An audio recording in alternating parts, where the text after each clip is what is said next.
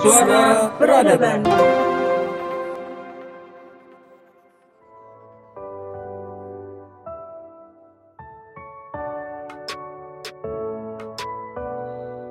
Suara Peradaban. Baik lagi bareng gua Gazali disokin. Akhirnya kita ngetek lagi ya. Kayak kita kayak gua bukan gua sih. Kayaknya kami Suara Peradaban agak balik lagi ke habit kita yaitu ngetek online, guys. Ya begitulah. Namanya sarananya kayaknya belum didukung sepenuhnya. Aktivitas akademiknya jadi ya ya sudah ya. Anyway, kali ini so, uh, sobat peradaban gue nggak sendirian. Mungkin biasanya gue ditemenin sama Mas Bujang sama Mute sama Adam dan ya beberapa host yang sering kalian denger di suara peradaban lah. Tapi sekarang nih gue sedikit berbeda karena gue ditemani oleh kawan gue dari Himahi Paramadina. Please welcome Satrio. Agak Ya. extravagant banget tapi uh, ya, ya. oke.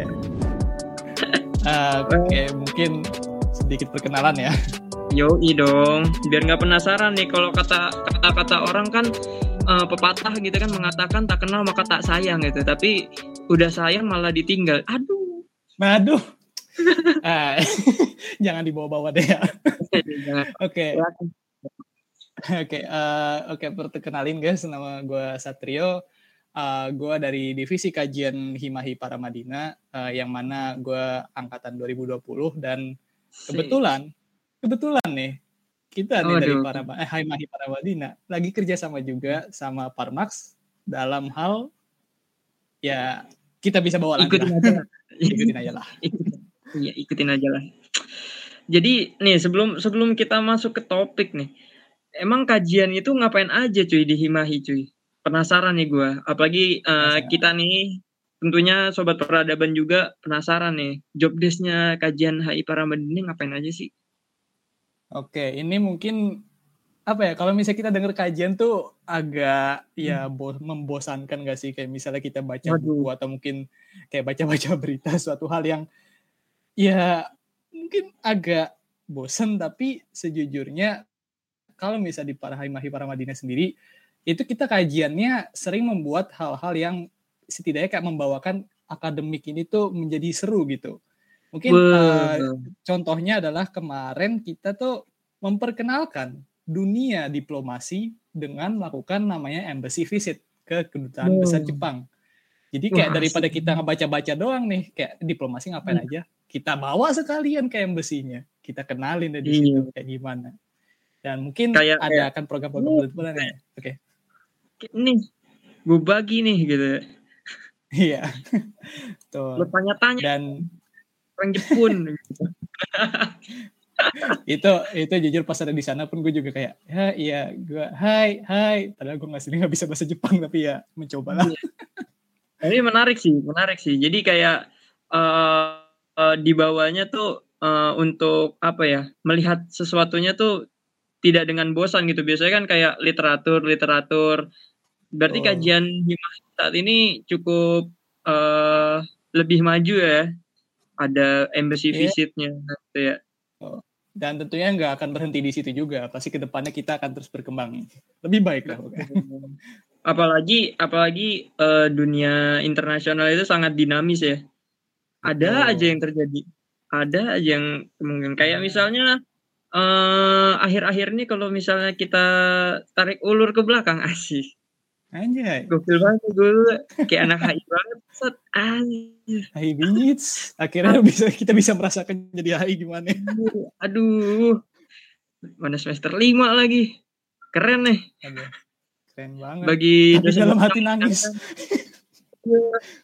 Bagi dosen-dosen yang mendengarkan eh, kalau misalnya ada yang salah maaf bapak ibu mas dan mbak mungkin ya namanya masih belajar gitu kan. Kami di sini juga masih baru gitu kan masih sama-sama belajar lah biar tahu gitu. Oh.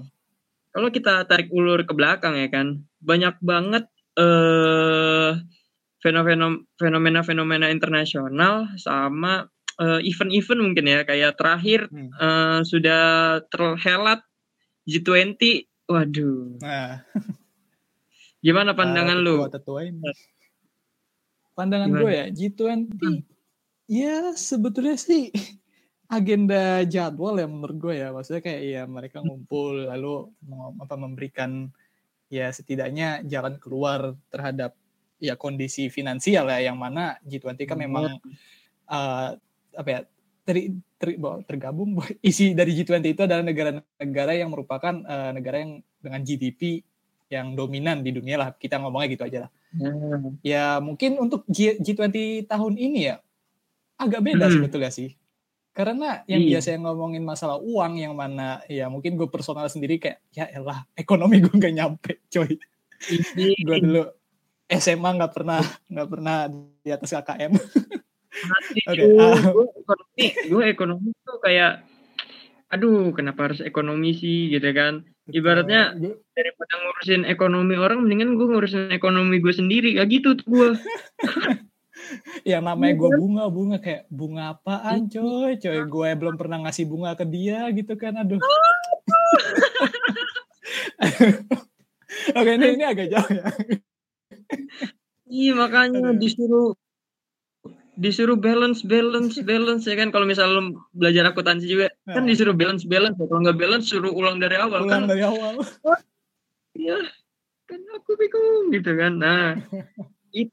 Tapi tapi menarik di eh, G20 sekarang itu tuh malah ada bahasan politik juga. Padahal seharusnya kan bahasannya eh, apa namanya fokusnya pada ekonomi ya. ekonomi iya betul dan Mm-mm. makanya eh, G20 ini sebetulnya memang menarik banyak ya studi gitu. Banyak ya mereka mereka mereka yang mungkin kayak keilmuan HI itu pasti akan melirik ke situ ya. Dan ya mungkin kita nggak nggak nggak perlu jauh-jauh ya.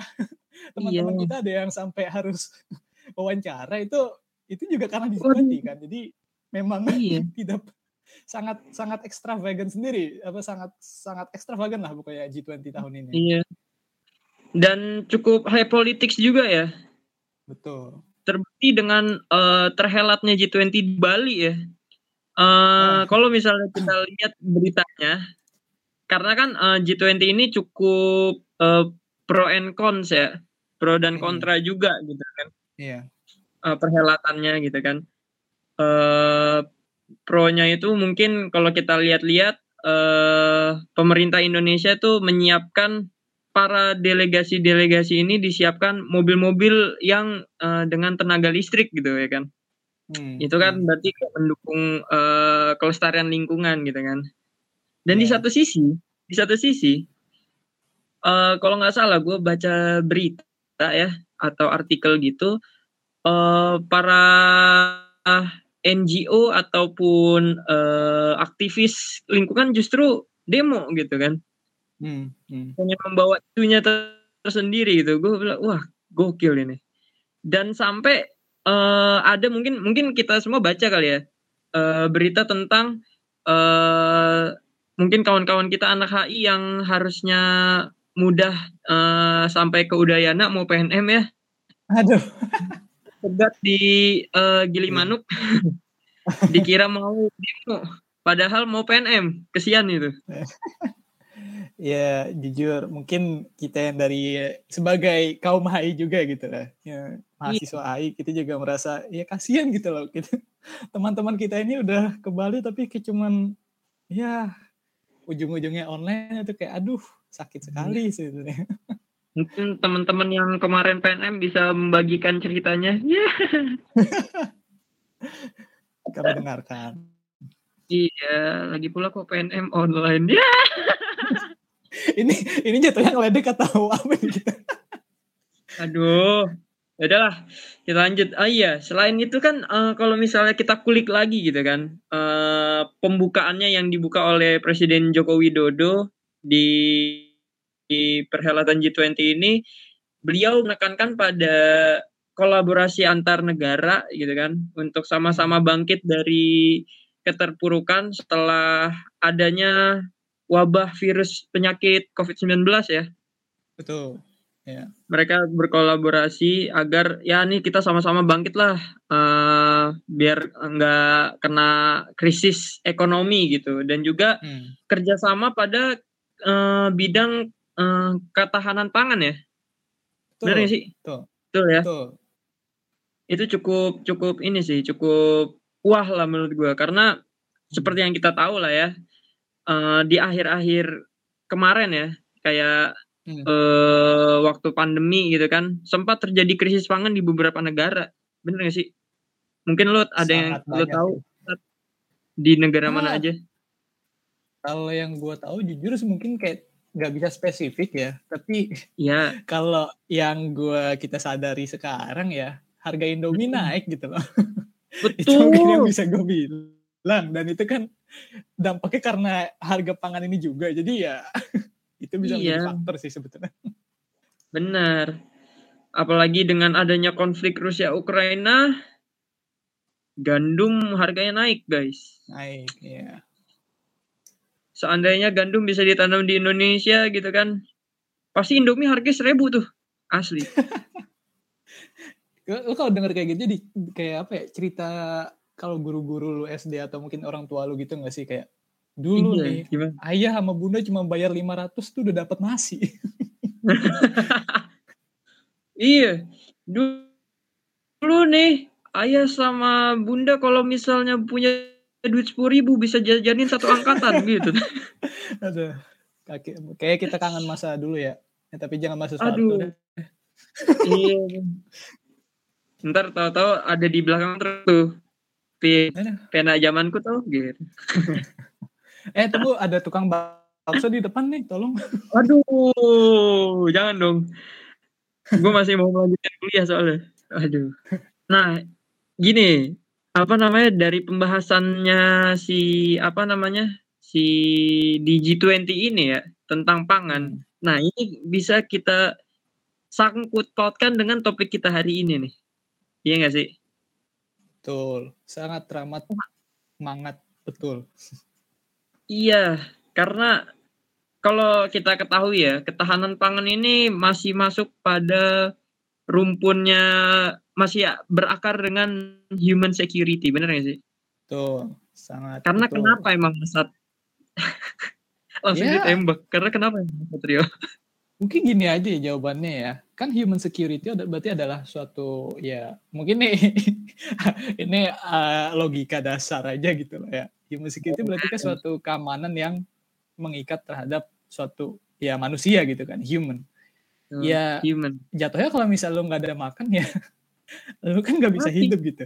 Mati Betul. gitu. Ya mu- mungkin mungkin nggak langsung ya, mungkin akan sakit dulu tapi itu ujung-ujungnya mati lah dan itu kan secara Iya. tidak langsung mengancam gitu kan mengancam well-being dari lu seorang manusia gitu makanya ya Bener banget. bisa dibilang hal ini cukup krusial sangat krusial Sangat krusial. Apalagi ya kita tahu lah kalau orang nggak makan digadang-gadang mati ya. betul Iyalah kalau makannya Ya. nggak makan yang hari ya mati. Apalagi nggak minum ya. Ya makanya orang-orang kalau misalnya ke jalan tuh wah kalau dikasih nasbung ya apa-apa bisa kan Nah, ini menarik karena kenapa ya? Eh gua pernah, eh, gua karena masuk di kelas studi strategis nih, HI banget, Ah. HI banget. Karena gue masuk di kelas studi strategis, gue diajarkan bahwa eh, ancaman modern kali ini bukan lagi berkaitan pada ancaman yang tradisional. Ancaman tradisional itu apa? Ancaman yang eh, fokusnya pada eh, keamanan state, keamanan negara gitu kan yang ujung-ujungnya pasti eh, ngomongin tentang militer, bener ya? hmm betul Hmm. Nah, kalau di zaman modern ini kita itu eh, ancamannya sekarang jadi non tradisional, fokusnya pada individu, yang Ah. tentu ini juga masuk pada human, human security kembali lagi seperti tadi sinonim itu sih. Iya kan? betul Nah, sekarang tuh eh, strategi keamanan itu eh, lebih menekankan pada keamanan individu, teman-teman. Ya, karena ancamannya berkaitan juga sama individu. Misalnya, eh, yang kita rasakan sekarang, adanya pandemi COVID-19 itu merupakan ancaman non tradisional. Iya kan? Ancaman non tradisional.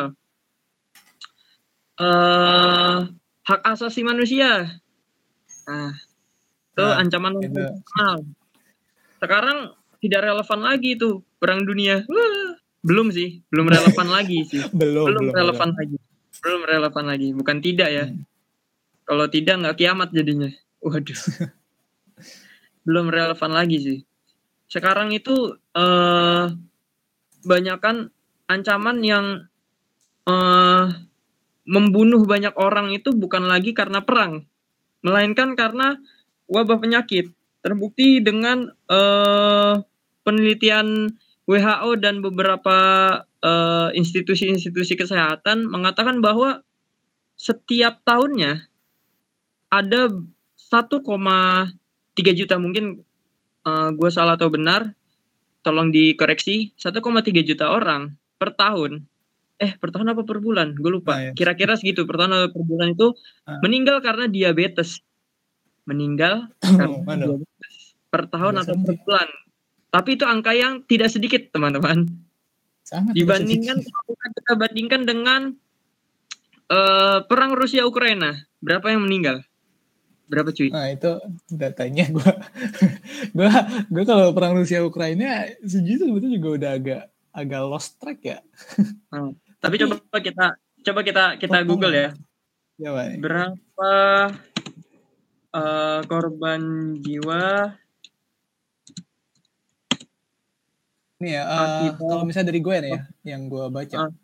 dari Statista itu berdasarkan dari Hi- eh, United Nations High Commissioner for Human Rights. Ya. Itu yang terverifikasi ada 6.655 eh, kematian. Yang itu merupakan eh, warga sipil. Tapi untuk Itu- yang konflik Rusia Ah. Ukraina ya? Ya, tapi ini November 2027 tanggal 27 kemarin. see that yang mana dua hari dua hari tiga hari kemarin lah. Enam berapa tadi angkanya enam mana Eh, enam ribu enam ratus lima puluh lima itu yang 6.655 yang terverifikasi dan itu merupakan korban sipil korban sipil kalau Yes. gua tadi searching ya Aha. ada 65.000 orang Rusia telah tewas. Orang Rusia Hmm. telah tewas Ya. dimulai pada 24 Februari lalu. Gitu. Nah, Tapi kalau misalnya kita tarik ulur tadi yang kita bahas, masih lebih banyak orang yang meninggal karena diabetes kan?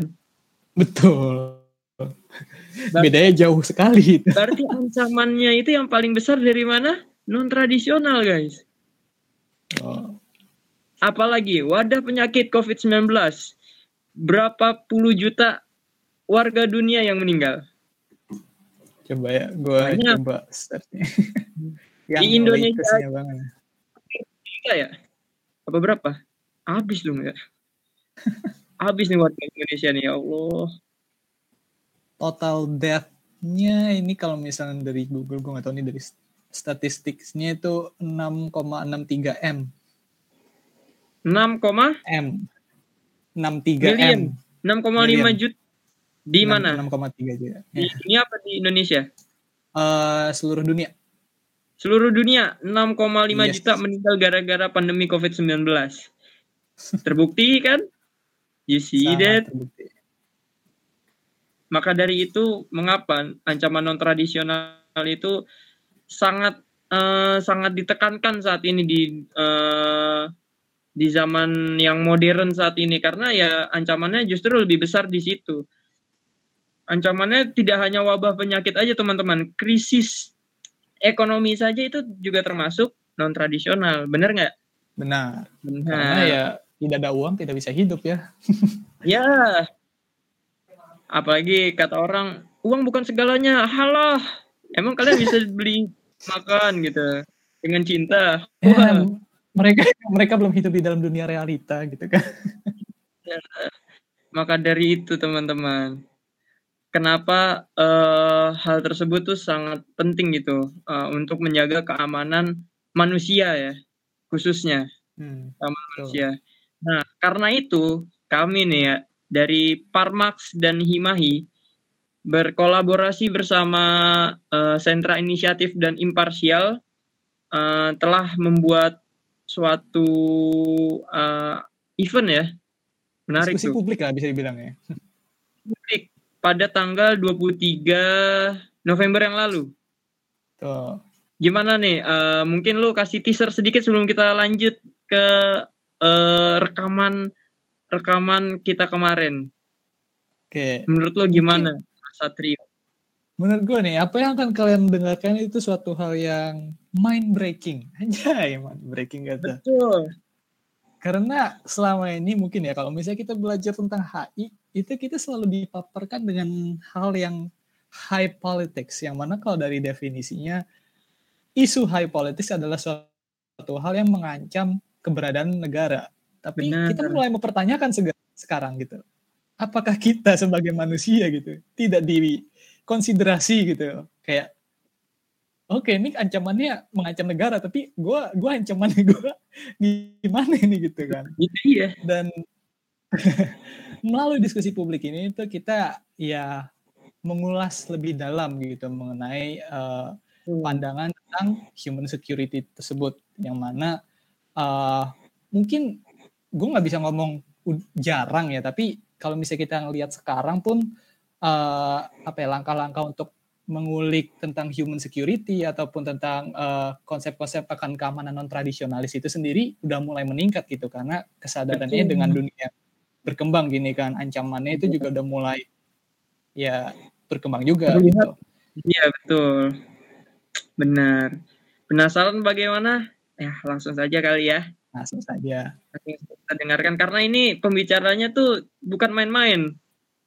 Pembicaraan ini sangat meaty. Waduh, Widi. daging guys, daging. Gitu. Biar kita tidak kebingungan dan ceplos-ceplos mendengarkan ocehan kita sebelum ini.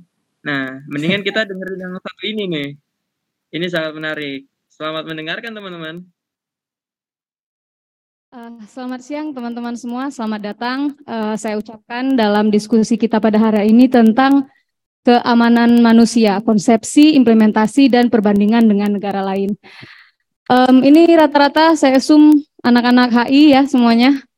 Uh, jadi pasti sudah tidak asing lagi dengan um, konsep keamanan manusia. Selama ini konsep keamanan manusia dalam perkembangan uh, apa keilmuan tentang uh, keamanan itu sendiri sudah banyak uh, dibicarakan, tapi sayangnya selama ini masih uh, dibicarakannya terbatas pada ruang-ruang diskusi akademik, uh, belum menjadi apa ya acuan dalam pengambilan kebijakan mungkin seperti itu. Nah hari ini uh, sentra inisiatif bersama imparsial bekerja sama juga dengan Himahi Paramadina dan Parmax uh, mengadakan diskusi ini untuk uh, kemudian membahas lebih detail tentang keamanan nasional uh, itu keamanan manusia itu sendiri. Tanpa berlama-lama lagi mungkin langsung saja saya mempersilahkan kepada narasumber yang pertama Mas Al Araf uh, untuk menyampaikan gagasannya. Silakan Mas Al. Makasih Amel. Baik, selamat siang. Assalamualaikum warahmatullahi wabarakatuh. Yang saya hormati dan saya ucapkan terima kasih buat eh, para peserta diskusi hari ini dan juga para narasumber Mas Uli, anggota Komnas HAM baru, masih fresh dua minggu ya, baru seminggu, jadi masih sibuk-sibuknya eh, ngurusin kasus. Mas Rangga nih dari Bapenas, teman dan sekaligus kawan berantem saya waktu studi pertahanan. Yang berikutnya Mas Nur Imam Subono ini guru saya, doktor, dosen FISIP di UI. Gitu. Kemarin sama Sentra ditulisnya dokter Andes diturunkan pangkatnya gitu kan. Saya marahin anak-anak Sentra, dokter jadi dokter Andes. Makasih Mas Imam dan rekan-rekan mahasiswa sekalian dan peserta usia banyak anak HI ini kayaknya mungkin dari para Madinah atau dari beberapa tempat kampus lainnya ya. Baik, pertama saya ingin sampaikan begini, kenapa sentra inisiatif eh, menggagas isu human security sebagai pilihan isu di agenda sentra inisiatif gitu ya, dan sampai membuat buku. Tentu ada refleksi yang dalam uh, oleh kawan-kawan sentra atas bacaan realitas sosial politik keamanan. Nah, refleksi itu tentu didasari atas fakta-fakta yang terjadi.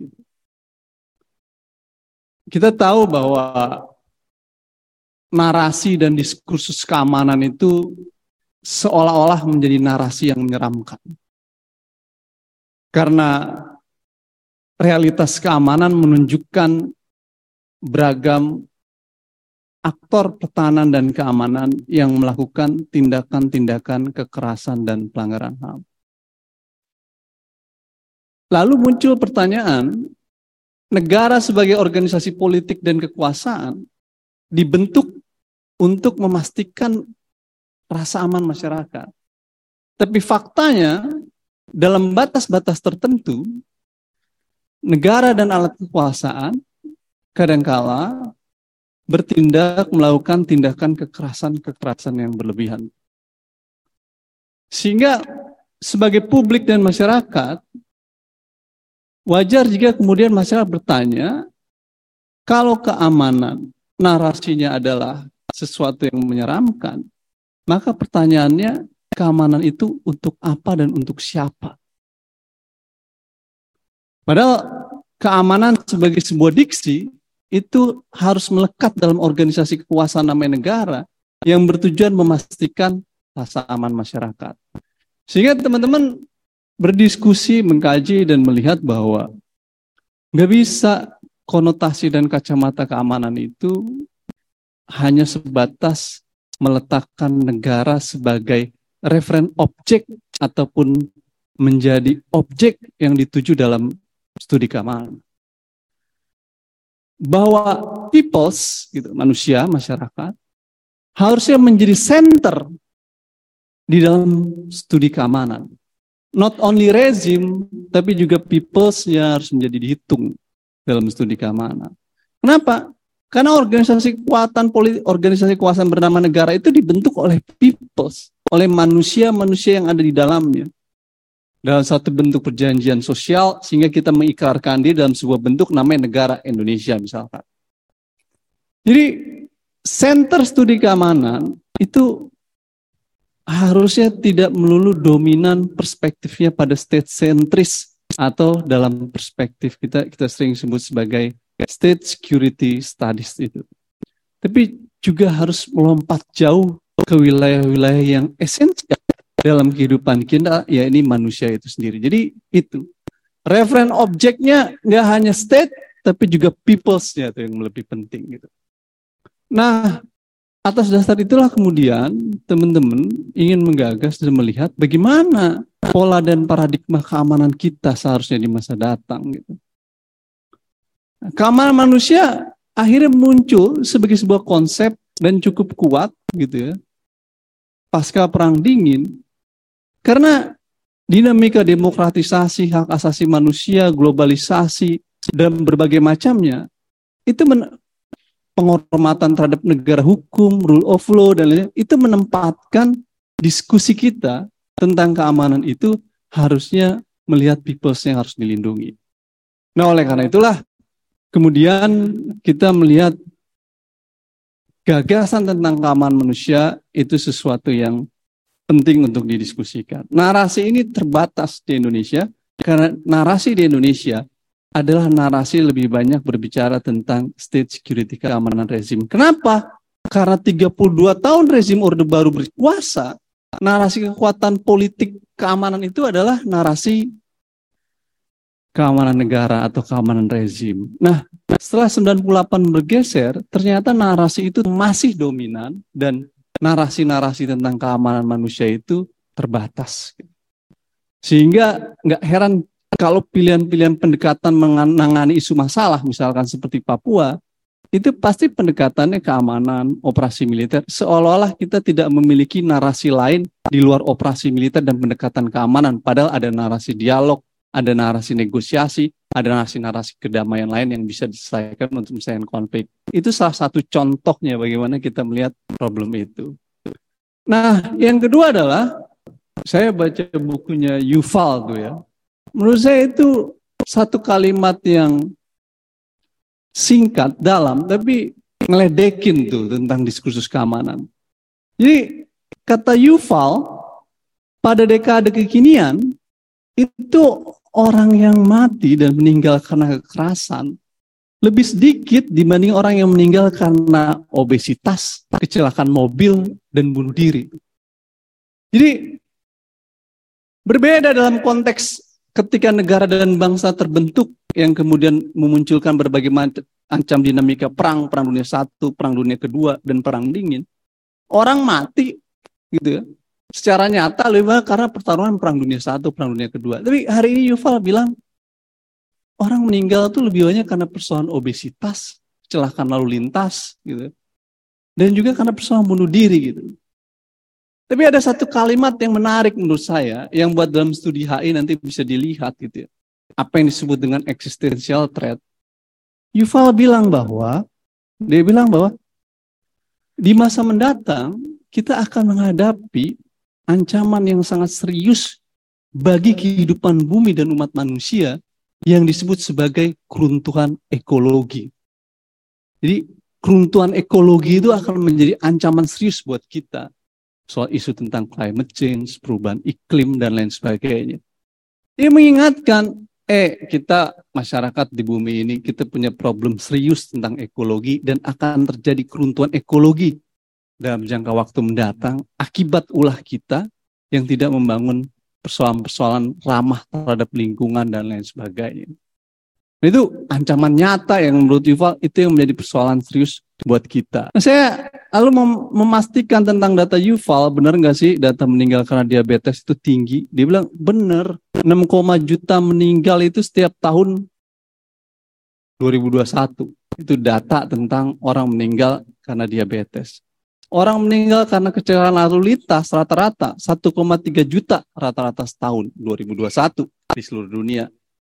Apalagi kita tahu bahwa hari ini kita berduka akibat peristiwa bencana gempa yang terjadi di Cianjur. Indonesia wilayah yang sering kali mengalami persoalan terkait dengan gempa, bencana alam, tsunami, dan lain sebagainya tadi itu. Itu ancaman nyata di depan kita.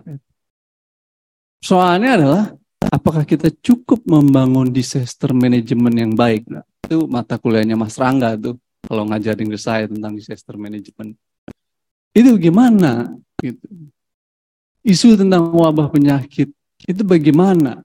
Konflik internal di Indonesia. Kita tahu kita mengalami persoalan serius terkait dengan konflik Ambon, Poso, dan lain sebagainya perubahan iklim dan lain sebagainya. Jadi kesimpulannya adalah hari ini diskursus tentang ancaman dan keamanan berbeda dengan hari-hari pada masa perang dingin. Hari-hari pada masa perang dingin, diskursus tentang keamanan itu berbicara tentang senjata, nuklir, dan lain sebagainya. Tapi pasca tembok Berlin runtuh, Soviet runtuh, sistem bipolar berubah, demokratisasi terjadi di banyak negara, orang diskus tentang ancaman itu menjadi sesuatu yang melewati batas tentang persoalan rezim. Jadi berbicara tentang peoples-nya itu. Isu tentang wabah penyakit, isu tentang bencana alam, persoalan degradasi lingkungan hidup, konflik internal di banyak negara, Rwanda, Suriah, Sudan, dan lain sebagainya. Dan Indonesia mengalami persoalan serius terkait dengan konflik internal. Pertanyaannya adalah, apakah fakta-fakta itu sebagai sebuah ancaman mau kita diamkan, sehingga kemudian kita tidak memiliki narasi paradigma keamanan yang baru, yang memperlihatkan bahwa keamanan manusia itu harus menjadi satu pendekatan di dalam mewujudkan apa namanya eh, rasa aman masyarakat. Jadi saya ingin katakan hari ini rasa aman kita tidak terganggu secara serius terkait dengan perang, tapi rasa aman kita terganggu secara serius dengan bencana alam. Ya, walau perang mungkin terjadi, mungkin karena konflik Laut Cina Selatan ada kemungkinan perang, tapi itu masih predictable. Gitu. Jadi yang nyata hari ini bencana alam di Cianjur, yang nyata hari ini persoalan konflik internal, yang nyata hari ini persoalan wabah penyakit dan hal-hal itu yang menjadi persoalan. Jadi itu soal-soal yang menjadi soal kita uh, di dalam eh, apa namanya kehidupan kini. Nah, itulah yang dalam wacana diskusi keamanan di dalam buku ini disebut dengan keamanan manusia. Jadi meletakkan referen objek tentang perlindungan terhadap rasa aman masyarakat itu ada di people di manusia. Nggak hanya lagi di rezim. Nanti turunan-turunan dari kebijakan ini adalah di Indonesia mungkin minim ya. Tapi di beberapa negara yang memotori kebijakan politik luar negeri dan dalam negerinya dalam isu keamanan ada Kanada, Jepang, Uni Eropa. Turunan dari diskursus tentang keamanan manusia adalah berbicara tentang bagaimana memastikan manusia bebas dari ketakutan dan bebas dari kemelaratan. Orang sering sebut dengan freedom from fear dan freedom from want itu. Jadi goals dari keamanan manusia adalah berbicara tentang kebebasan dari rasa ketakutan dan kebebasan dari rasa kemelaratan.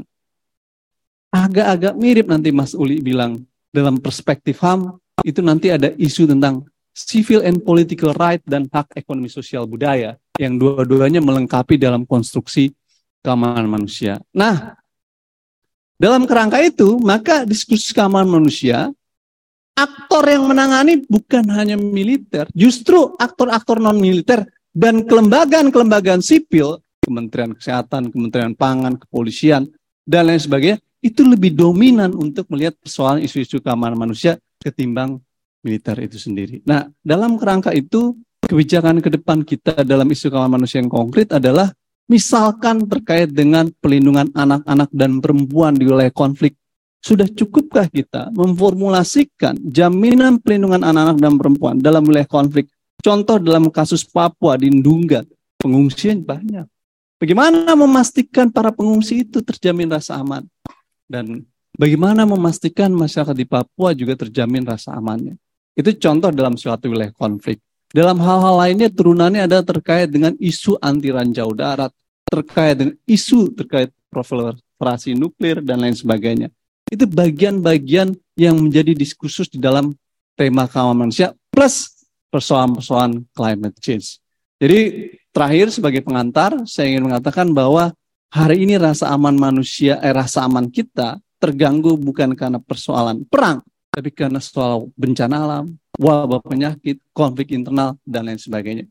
Dalam kacamata itu menjadi penting buat negara untuk berpikir dan melihat bahwa peoples, manusianya, masyarakatnya seharusnya menjadi reference objek yang harus dilindungi, bukan hanya rezim dan negaranya. Negara dan rezim teritorinya harus dijaga, yes, tapi nggak hanya itu dong.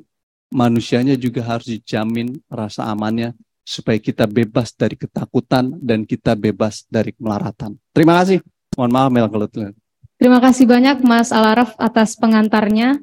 Ini um, sangat tepat sekali tadi ya, gara-gara lack of perspektif mungkin di uh, pengambil kebijakan kita tentang keamanan manusia ini, jadinya ada banyak um, kebijakan yang salah sasaran mungkin kurang tepat dalam um, tindakannya gitu, terutama menangani konflik di Papua.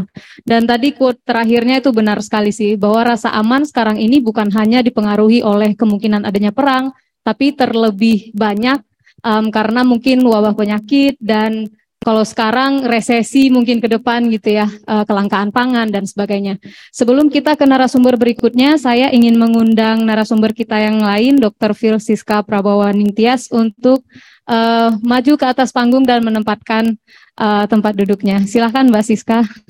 Nah, setelah tadi dari Mas Al-Araf, selanjutnya kita dengarkan uh, penyampaian materi dari Dr. Uli Parulian Sihombing, anggota Komnas HAM, Tadi Mas Al juga sempat mention gitu ya baru dilantik baru semingguan uh, super sibuk juga uh, Pak Uli. Terima kasih sudah menyempatkan hadir.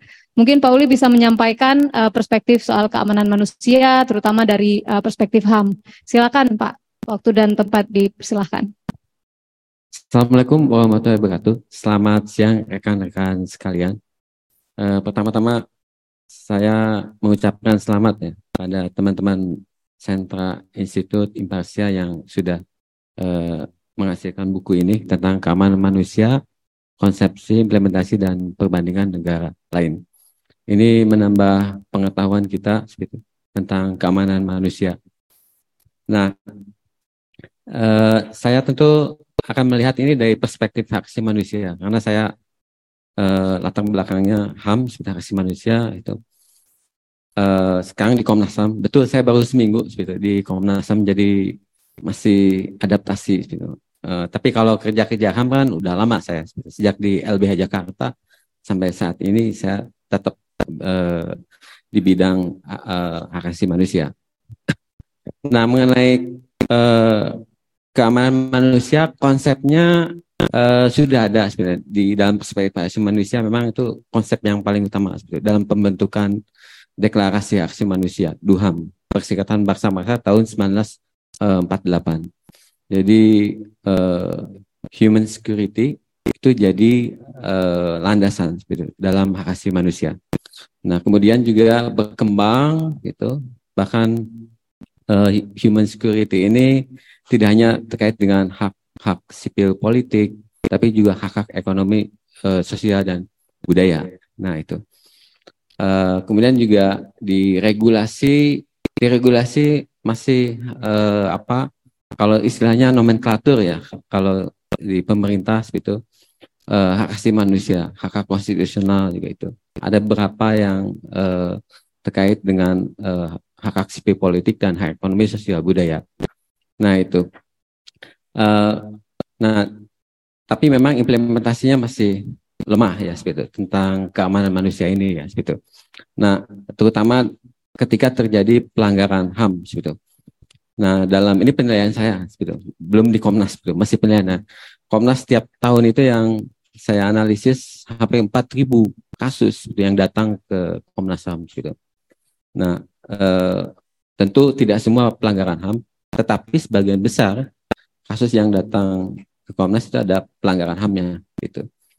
Nah, pelanggaran HAM dan juga pelanggaran HAM berat gitu.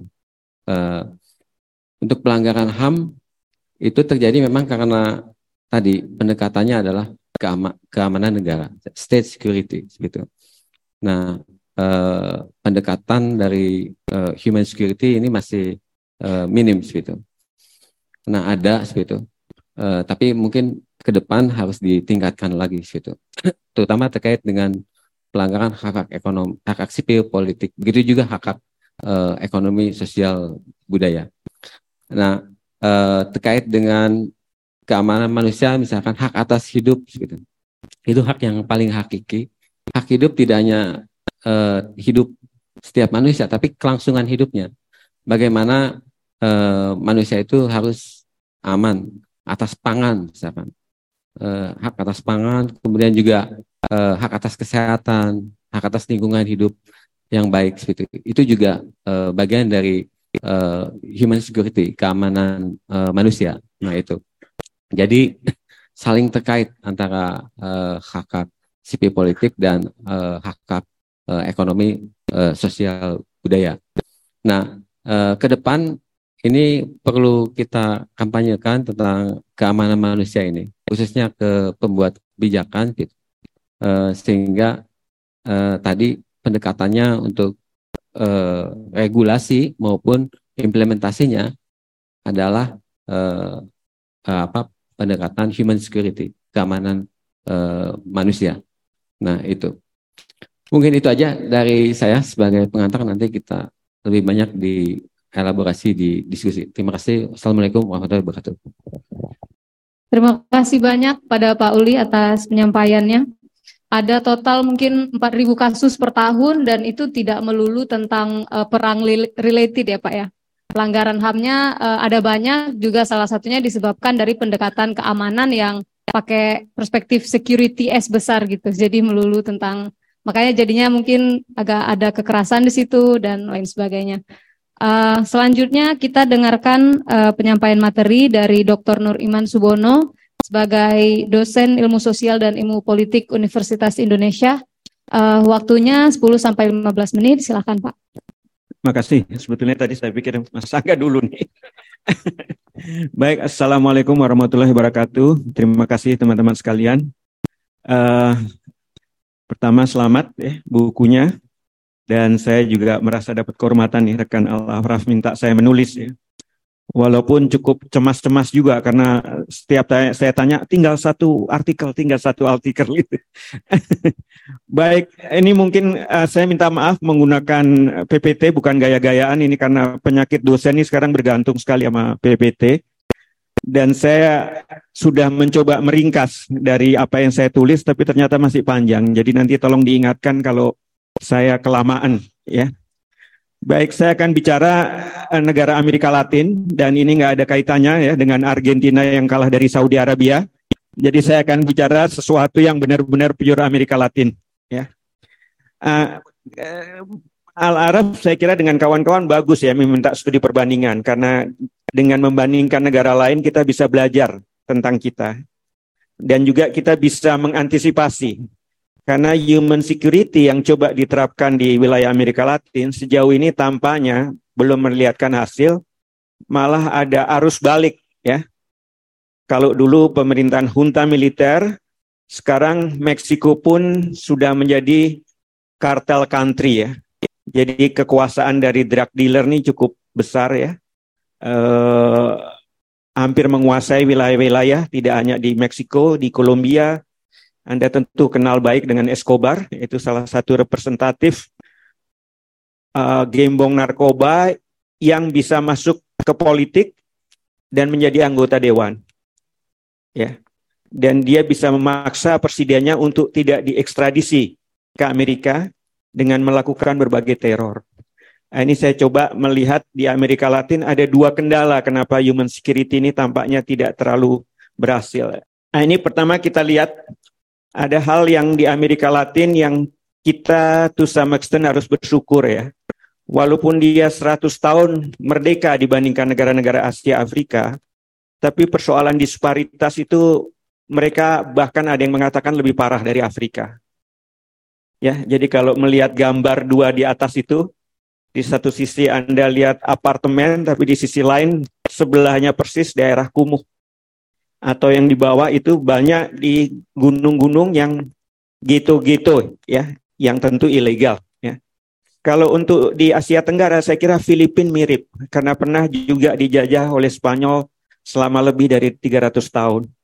Jadi persoalan disparitas ini menjadi hal yang tampaknya kendala ya. Kenapa human security ini tidak terlalu jalan? Saya jadi nggak ngelihat. Saya mohon izin boleh sambil berdiri ya. eh, ini sekali lagi bukan stand up komedi ya, jadi saya ingin belajar benar. Ancaman keamanan di Amerika Latin ini saya tunjukkan ada beberapa ya. Pertama narkoteroris, ya. Kemudian ada paramiliter, drug cartel, criminal gang, uh, border dispute, dan yang terakhir sebetulnya yang menarik adalah Islamic militansi, ya. Ini yang tampaknya Amerika mulai memperhitungkan ketika kelompok-kelompok perlawanan seperti Al-Qaeda, ISIS itu makin terpukul di daerah uh, Timur Tengah ya dan juga Asia sehingga Amerika Latin mulai menjadi tempat yang yang baru mungkin untuk mereka pindah ke sana ya, khususnya di triangle itu ya antara Venezuela ada Uruguay ya. Tapi kalau Anda lihat foto di sebelah itu ya, itu di bawah itu kepala orang ya jadi gangster di sana itu kalau Anda ke Amerika, Anda ngaku orang Latin aja, biasanya orang Amerika takut itu. Ya, karena Yakuza yang orang kulit hitam itu biasanya kalau dengan Latin mereka agak takut karena memang terkenal sadis ya. Mereka akan loyal ya, akan membantu Anda, tapi sekali Anda berkhianat, seluruh keluarga Anda habis itu. Ya. Jadi ini memang salah satu hal yang tampaknya tidak bisa diselesaikan sejauh ini ya sidang Calmeron di Meksiko itu kemudian memutuskan ketika dia kampanye untuk menjadi seorang presiden, dia sudah tidak percaya lagi pada polisi. Karena polisi itu hampir semua di capture oleh mereka. Kalau di Indonesia orang ingin karirnya bagus, biasanya dikirim dulu ke daerah. Ini ada Mbak Pungki di sini ada. Ya. Kalau di Meksiko tolak-tolakan. Karena kemungkinannya kalau nggak dia dikooptasi ya dia mati. Jadi Presiden Meksiko itu waktu itu mengatakan ya saya akan mengerahkan angkatan darat untuk menyelesaikan persoalan ini. Dan sampai sekarang belum berhasil. Uh, salah satu penyebabnya adalah ada yang disebut lawless area dan field state ya, wilayah tak bertuan. Ya, jadi kalau misalnya di New York gitu ya, Anda sering melihat daerah-daerah gitu-gitu yang kalau ada pembunuhan biasanya polisi malas ke sana gitu. Karena biasanya kalau ada yang melihat nggak saksi biasanya nggak mau ngomong gitu. Kalau di wilayah Amerika Latin itu daerah-daerah ya. Karena pegunungan Andes itu kayak di negara-negara Amerika Tengah itu negara tidak sampai ke sana. Sehingga itu menjadi wilayah yang subur, yang menjadi wilayah yang disebut wilayah tak bertuan, tapi ada hukum-hukum yang dikembangkan oleh para pemberontak atau kartel. Cilakanya pasca perang dingin, kelompok-kelompok kiri, ya misalnya seperti uh, Signing Pad di Peru, ya atau FARC di Kolombia, itu kemudian sudah tidak dapat dukungan lagi pasca perang dingin dari negara-negara Eropa Timur dan to some extent mereka bekerja sama dengan drug dealer ini. Ya, ada mutual simbiosis. Dan itu yang susah negara masuk. Aparat masuk itu nggak berani. Dan itu berkaitan dengan apa yang kita sebut sebagai negara gagal. Negara tidak bisa memaksimalkan otoritasnya. Tadi secara baik dijelaskan oleh Al-Araf ya. State center ini yang sangat berkuasa pun dia tidak mampu gitu untuk bisa menjangkau wilayah-wilayah ini. Nah, ini yang tadi saya sebut itu berkaitan dengan faktor geografi politik ya dan juga faktor sosial ekonomi. Disparitas di negara Amerika Latin itu benar-benar luar biasa ya. Kalau Anda ke kota-kota besar, ke Mexico City, ke Santiago misalnya di uh, Chile, ke Lima di Peru, Anda akan melihat atau Caracas di Venezuela akan Anda akan melihat wajah Eropa di sana. Bahkan kalau Anda foto-foto di sana, orang nggak akan tahu itu di negara Amerika Latin. Karena benar-benar wajah negara-negara maju. Tapi kalau Anda keluar kota atau ke daerah pinggirannya, baru Anda lihat wajah kemiskinan, wajah kekerasan, wajah kriminalitas di sana. Nah, ini yang selalu sampai sekarang tampaknya tidak bisa terselesaikan. Ya. Sementara bandar-bandar narkoba ini udah negara dalam negara. Karena apa? Sebagian besar didukung masyarakat. Mereka membangun gereja, mereka membangun sekolah, mereka membangun rumah sakit. Yang penting Anda loyal, yang penting Anda nggak macam-macam. Ya, saya tadi malam melihat YouTube ada anak muda di Meksiko gitu, dia TikTok gitu, tapi dia maki-maki narkoba. Gitu. Saya nggak takut, nggak takut. Besoknya ya dibunuh bener dan difilmkan juga. Ya. Jadi memang luar biasa sekali ya jadi kalau Anda ingin ke Amerika Latin, ya pilih-pilih tempatnya lah ya. ke Meksiko tuh Anda udah nggak bisa lagi. Dulu daerah yang turis tuh Guanajuato ya, atau uh, Guadalajara gitu ya, daerah turis itu sekarang menjadi daerah rawan gitu ya, kalau kita nggak hati-hati. Nah, ini dua pemicu di balik wilayah tak bertuan ini. Pertama, pemberontakan politik. Ya, Anda tahu di Meksiko ada Zapatista, ya, Komandante Marcos. Kalau di Kolombia yang sampai sekarang masih ada itu ya, Fuerza Armada Revolusioner di Kolombia, yaitu kelompok Marxis yang masih berkuasa. Dan ini kalau dalam perspektif HAM memang tentara bisa karena mereka berseragam, mereka bersenjata.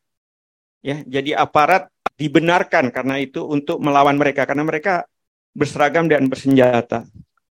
Tapi juga ada pemberontakan komersial. Ah, ini kepentingan bisnis ya. Jadi kalau Anda anak orang kaya di Amerika Latin biasanya dijaga ya. Karena Anda pasti korban penculikan habis itu diminta tebusan. Cilakanya pasca perang dingin kedua kekuatan ini kayaknya kok bekerja sama gitu. Ya, kelompok-kelompok pemberontak seperti di Peru signing part itu Maois ya mulai muncul lagi gitu. Padahal negara-negara dulu yang mendukung itu sudah bertumbangan kan. Eh, tapi kemudian rupanya mereka bekerja sama dengan para drug dealer ini. Ya, kalau kita lihat kasus di Kolombia, memang ada beberapa upaya uh, perdamaian ya. Seperti di, di Kolombia ini ada upaya perdamaian dengan pemerintah, tapi tidak terlalu berhasil.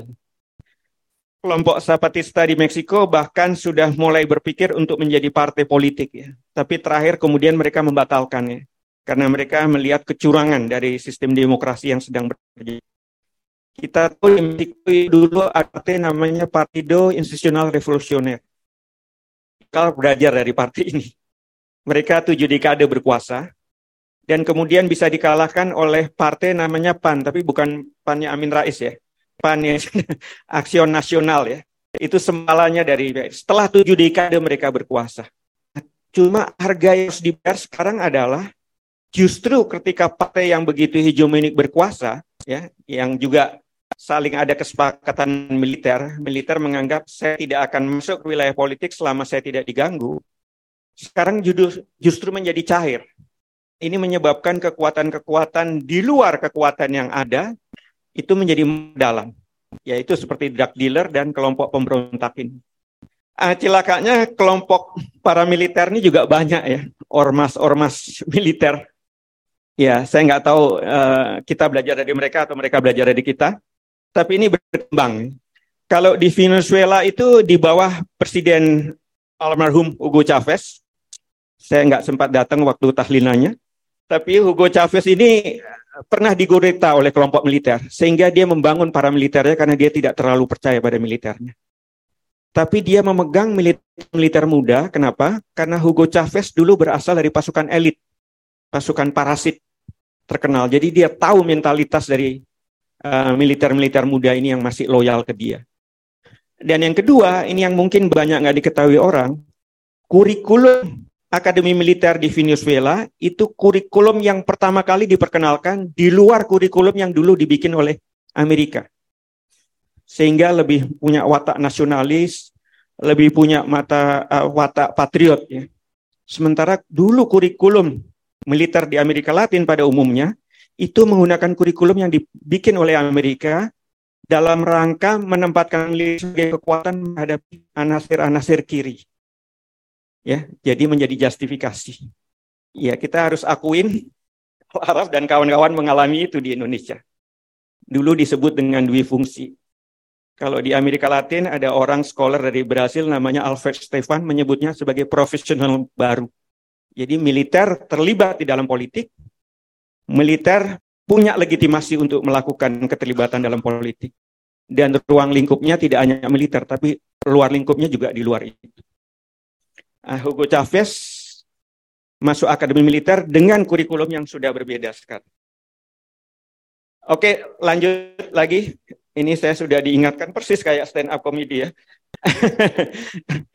nah, ini kita lihat beberapa presiden di Amerika Latin itu kalau lihat ya ketika apa yang disebut turn left atau pink tide ya, merah jambu itu hampir semua presidennya mantan pemberontak ya, termasuk yang di El Salvador ini dia bekas pemberontak kiri, namanya Farabundo Marti National Liberation. Kalau di Brasil Anda ketemu orang namanya Lula, itu juga bekas pemberontak. Di Bolivia Anda ketemu orang namanya Evo Morales, itu juga bekas pemberontak petani koka. Ya, nah, saya nggak tahu di Indonesia kapan ya bekas pemberontak bisa jadi presiden. Oke, okay. oke, okay, baik itu aja. Maaf kalau sudah agak menyita waktu. Bil Taufik Walidaya. Wassalamualaikum warahmatullahi wabarakatuh. Terima kasih Bapak Dr. Nur Imam sampai stand up. Walaupun tadi bilangnya bukan stand up komedi tapi banyak yang bikin ketawa ya. Ini uh, bagus sekali tadi kita membandingkan uh, apa pendekatan keamanan manusia dengan apa yang terjadi di uh, Amerika Latin. Uh, tentu bisa jadi pembelajaran juga buat kita gitu ya. Uh, kenapa di sana uh, pendekatan keamanan manusianya tidak berhasil gitu? Ternyata tadi ada banyak faktor faktor gengan dan lain-lain sebagainya. Nah, kita dengarkan dari Mas Rangga uh, dari Bapena. Silakan, Mas. Nah, terima kasih. Assalamualaikum warahmatullahi wabarakatuh. Pertama-tama kami mau menyampaikan permohonan maaf. Uh, tadinya sedianya direktur kami yang diundang uh, Pak Bogat Widiatmoko, tapi beliau berhalangan hadir dan kami di, uh, karena memang teman-teman juga di sini, Ma'al Araf ini. Jadi uh, dan juga kedua adalah uh, selamat uh, kepada Sentra Inisiatif atas uh, bukunya. Um, tapi saya harus jujur, saya belum belum sempat baca nih, Mas. Uh, tapi uh, memang konsep human security ini memang sangat menarik, uh, terutama kami yang di pemerintahan itu ketika uh, bagaimana memasukkan itu di dalam kebijakan-kebijakan kami. Nah, Uh, mungkin kami di sini tidak menjelaskan uh, apa yang apa itu maksudnya uh, konsep keamanan manusia tadi sudah sudah no, lalu baiknya seperti apa dan contoh negaranya seperti mana. Uh, tapi kami mungkin menyampaikan beberapa uh, pandangan yang uh, terutama di kami di Bappenas atau khususnya kami yang uh, saat ini bertugas dalam merencanakan pembangunan di sektor uh, keamanan. Nah, uh, salah satu konsep yang kami dipegang itu uh, konsep yang di kami ketahui untuk keamanan nasional, uh, keamanan, keamanan manusia itu uh, apa yang disampaikan dalam uh, resolusi uh, PBB bahwa keamanan manusia itu adalah the right for people to live in freedom and dignity. Uh, jadi uh, ada kebebasan dan juga uh, mempunyai kehidupan yang layak. Free from poverty and despair. Jadi uh, bebas dari kemiskinan dan juga keputusasaan. Jadi uh, setiap manusia itu memiliki hak untuk hidup saat ini dan juga hidup untuk masa depan. Nah, uh, tadi juga sudah diceritakan oleh anak bahwa memang perubahan. Ketika sebelumnya konsep keamanan itu lebih ke keamanan dalam arti untuk menjaga kedaulatan negara, ataupun malah diselewengkan menjadi uh, menjaga ke, uh, kedaulatan uh, kekuasaan, memang saat ini memang sudah berubah bahwa objek yang harus uh, dilindungi adalah lebih fokus pada individu manusia-manusia itu sendiri. Kalau apa namanya di UNDP itu ada tujuh uh, keamanan manusia yang uh, dikategorikan yang perlu dilindungi.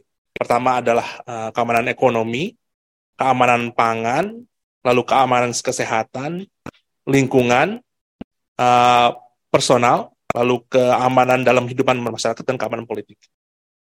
Nah, konsep-konsep ini memang lebih lebih luas uh, daripada konsep-konsep keamanan nasional mungkin saat ini pun menjadi kebijakan di uh, pemerintah Indonesia dan juga termasuk di kami di Bappenas. Walaupun memang konsep-konsep ini diketahui, tapi memang belum 100% memang kami bisa masukkan ke dalam kebijakan-kebijakan uh, pemerintah di Indonesia. Kalau di dalam buku uh, Human Security Concept and Implication tulisan dari Tajbah. Uh, ada tiga kategori uh, penger manusia apa orang-orang yang uh, mengkategorikan uh, apa itu konsep human security. Pertama yang menyampaikan bahwa konsep human security ini sangat bagus, tapi sulit diimplementasikan karena uh, ambigu. Apa yang itu harus dilakukan, apa itu korelasi antara uh, berbagai-bagai variabelnya ke dalam ke mana itu sulit. Lalu kategori kedua adalah memang ini patut di uh, ini konsep yang bagus, ini bisa diimplementasikan tapi harus dibatasi. Uh, jadi tidak bisa secara luas tapi dipilih kira-kira mana-mana yang bisa digunakan. Ataupun yang uh, kategori yang ketiga adalah ya memang ini konsep bagus dan ini harusnya menjadi tool esensial dalam melakukan kebijakan. Nah, dalam ketiga itu saya, saya tidak menyebutkan mana yang salah, mana yang benar, tapi lebih kepada kepentingannya, kebutuhannya. Uh, kebutuhan yang akan dilakukan itu seperti apa, human security dan dikerjakannya seperti apa, dan uh, mungkin kami menyampaikan pendapat kami sebagai kacamata di Bappenas. Karena kami uh, berfungsi memiliki fungsi memiliki tugas dalam perencanaan di mana kami harus melihat dengan sumber daya uh, pemerintah terutama yang terbatas dan juga sumber daya mungkin masyarakat Indonesia yang terbatas. Nah, pendekatan seperti apa yang harus digunakan? Di human security ini juga ada uh, apa namanya ada tantangan-tantangannya. Pertama, uh, seperti tadi disampaikan uh, Al tadi bahwa salah satu pendukung human security uh, memang dari Kanada dan mereka yang pertama yang saya baca itu memang pertama kalinya mengangkat dan kita mereka yang mengangkat untuk masukkan ke dalam resolusi PBB. Tapi beberapa tahun kemudian ketika pergantian pemerintah uh, menjadi lebih konservatif, mereka malah menghilangkan. Dan itu muncul lagi. Jadi pertama pertanyaannya adalah uh, ada yang menyamakan human security dengan welfare state. Jadi ketika itu mendukung uh, uh, human security, oh berarti ini uh, lebih kepada uh, pemahaman-pemahaman bahwa untuk membangun uh, jalur apa jalur kebijakan itu lebih ke welfare state. Dan itu yang tentu uh, banyak tantangan ketika pemerintah yang uh, berkuasa itu adalah lebih konservatif. Dan kedua adalah uh, tumpang tindih sendiri itu sendiri. Bahwa konsep-konsep human security itu sendiri uh, tumpang tinggi dengan prinsip-prinsip uh, lain seperti uh, pembangunan uh, millennial, millennial goals atau SDG sekarang itu. Sustainable Development Goals. Uh, bahwa konsekuensinya itu uh, hampir mirip dan ketika itu mana yang didahulukan. Dan mungkin saat ini memang SDGs itu yang lebih lebih menarik untuk digunakan. Termasuk juga untuk uh, lingkungan. Ketika untuk keamanan lingkungan ya sekarang itu terkait dengan perubahan iklim yang lebih lebih di lebih diunggulkan. Uh, daripada uh, mungkin yang keamanan secara komprehensif yang melibatkan semuanya. Lalu uh, ketika kami harus uh, menyusun suatu perencanaan ketika harus melihat apa sih yang lebih penting kalau di dalam uh, konsep DHI terutama itu banyak tuh ada guns and butter ya.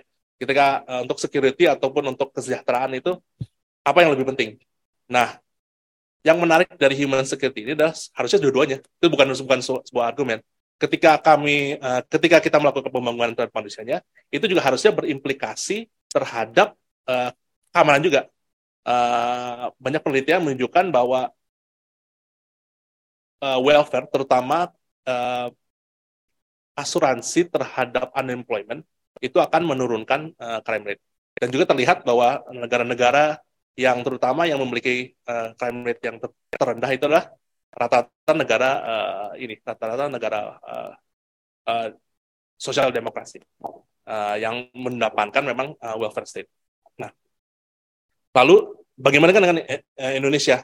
Uh, kalau boleh kami uh, melihat itu lebih kepada uh, ininya, kepada fungsinya. Uh, kami mungkin lebih kepada kategori yang kedua itu. Kita bisa menggunakan uh, konsep human security dan kita harus, tapi mungkin kita harus melimitasi, bukan ber, bukan artinya kita tidak uh, mementingkan yang lainnya, tapi ini lebih kepada uh, keterbatasan sumber daya dan mana yang itu bisa dilakukan uh, perubahan misalnya uh, kalau ancaman ke manusia itu apa sih yang bisa yang ancaman itu terhadap apa? Apakah itu ada ancaman terhadap fisik, ancaman ancaman terhadap kehidupan ataupun uh, ancaman terhadap sosial? Kira-kira variabel-variabel apa uh, terutama di kehidupan di sosial ekonomi itu yang dapat kita rubah, yang dapat juga berkorelasi terhadap peningkatan uh, keamanan uh, masyarakat. Kalau misalnya saya ambil contoh itu tadi karena tadi Al menyebut juga kami memang banyak juga bergerak di uh, kebencanaan. Dalam bencana itu ada istilah itu risk itu adalah uh, rumusan dari pertama adalah dari hazardnya itu sendiri, lalu kedua adalah uh, exposure-nya, lalu ketiga adalah vulnerability. Jadi uh, resiko-resiko yang terhadap keamanan, kalau dalam ini mungkin dalam human safety, uh, berarti caranya adalah melihat apa aja yang bisa mengancam yang kedua, bagaimana menjauhi atau meng, uh, atau mengurangi dari dampak ancaman itu sendiri. Ketiga adalah meningkatkan apa itu namanya resistensi terhadap apabila uh, menghadapi suatu ancaman terhadap keamanan itu sendiri. Lalu bagaimana kita bisa uh, melakukan ini? Nah, usaha pertama dari kami adalah human security itu ada dua hal yang harus uh, penting di, dimajukan. Pertama adalah saya ambil dari uh, bukunya di Martin Nolan itu adalah clear conceptualization. Jadi konsep itu harus jelas, terutama uh, korelasi-korelasi antara uh, faktor-faktor sosial dengan faktor-faktor keamanan. Jadi konsepnya itu yang harus jelas uh, uh, hubungan-hubungan tersebut. Dan kedua adalah clarity of intent. Jadi tujuannya harus jelas bahwa uh, apa yang akan dibangun itu jelas tujuan untuk uh, yang dicapai itu seperti apa. Nah, mungkin memang ini sedikit mengkotak-kotakan apa itu yang di eh, konsep-konsep human security secara luas, tapi ini akan membantu terutama untuk tindak lanjutnya. Ketika kita sudah panjang lebar membicarakan human security, lalu kadang-kadang yang yang di, ah, ditanyakan itu sobat apa yang harus kita lakukan untuk untuk uh, mendorong untuk kemajuan itu? Dan uh, itulah yang mungkin uh, kami mencoba uh, mencoba figure out apa itu yang harus kita lakukan ke depan. Nah, kebetulan eh, kami memiliki apa itu eh, di istilahnya itu rencana rencana jangka panjang eh, nasional. Dan ini eh, akan memasuki rencana eh, jangka panjang yang kedua dari pertama yang sudah dibangun yang yang saat ini dilaksanakan adalah tahun RPJPN 2005 sampai 2025 dan kami sedang menyusun untuk 20 tahun ke, uh, ke depannya dari 2025 ke 45.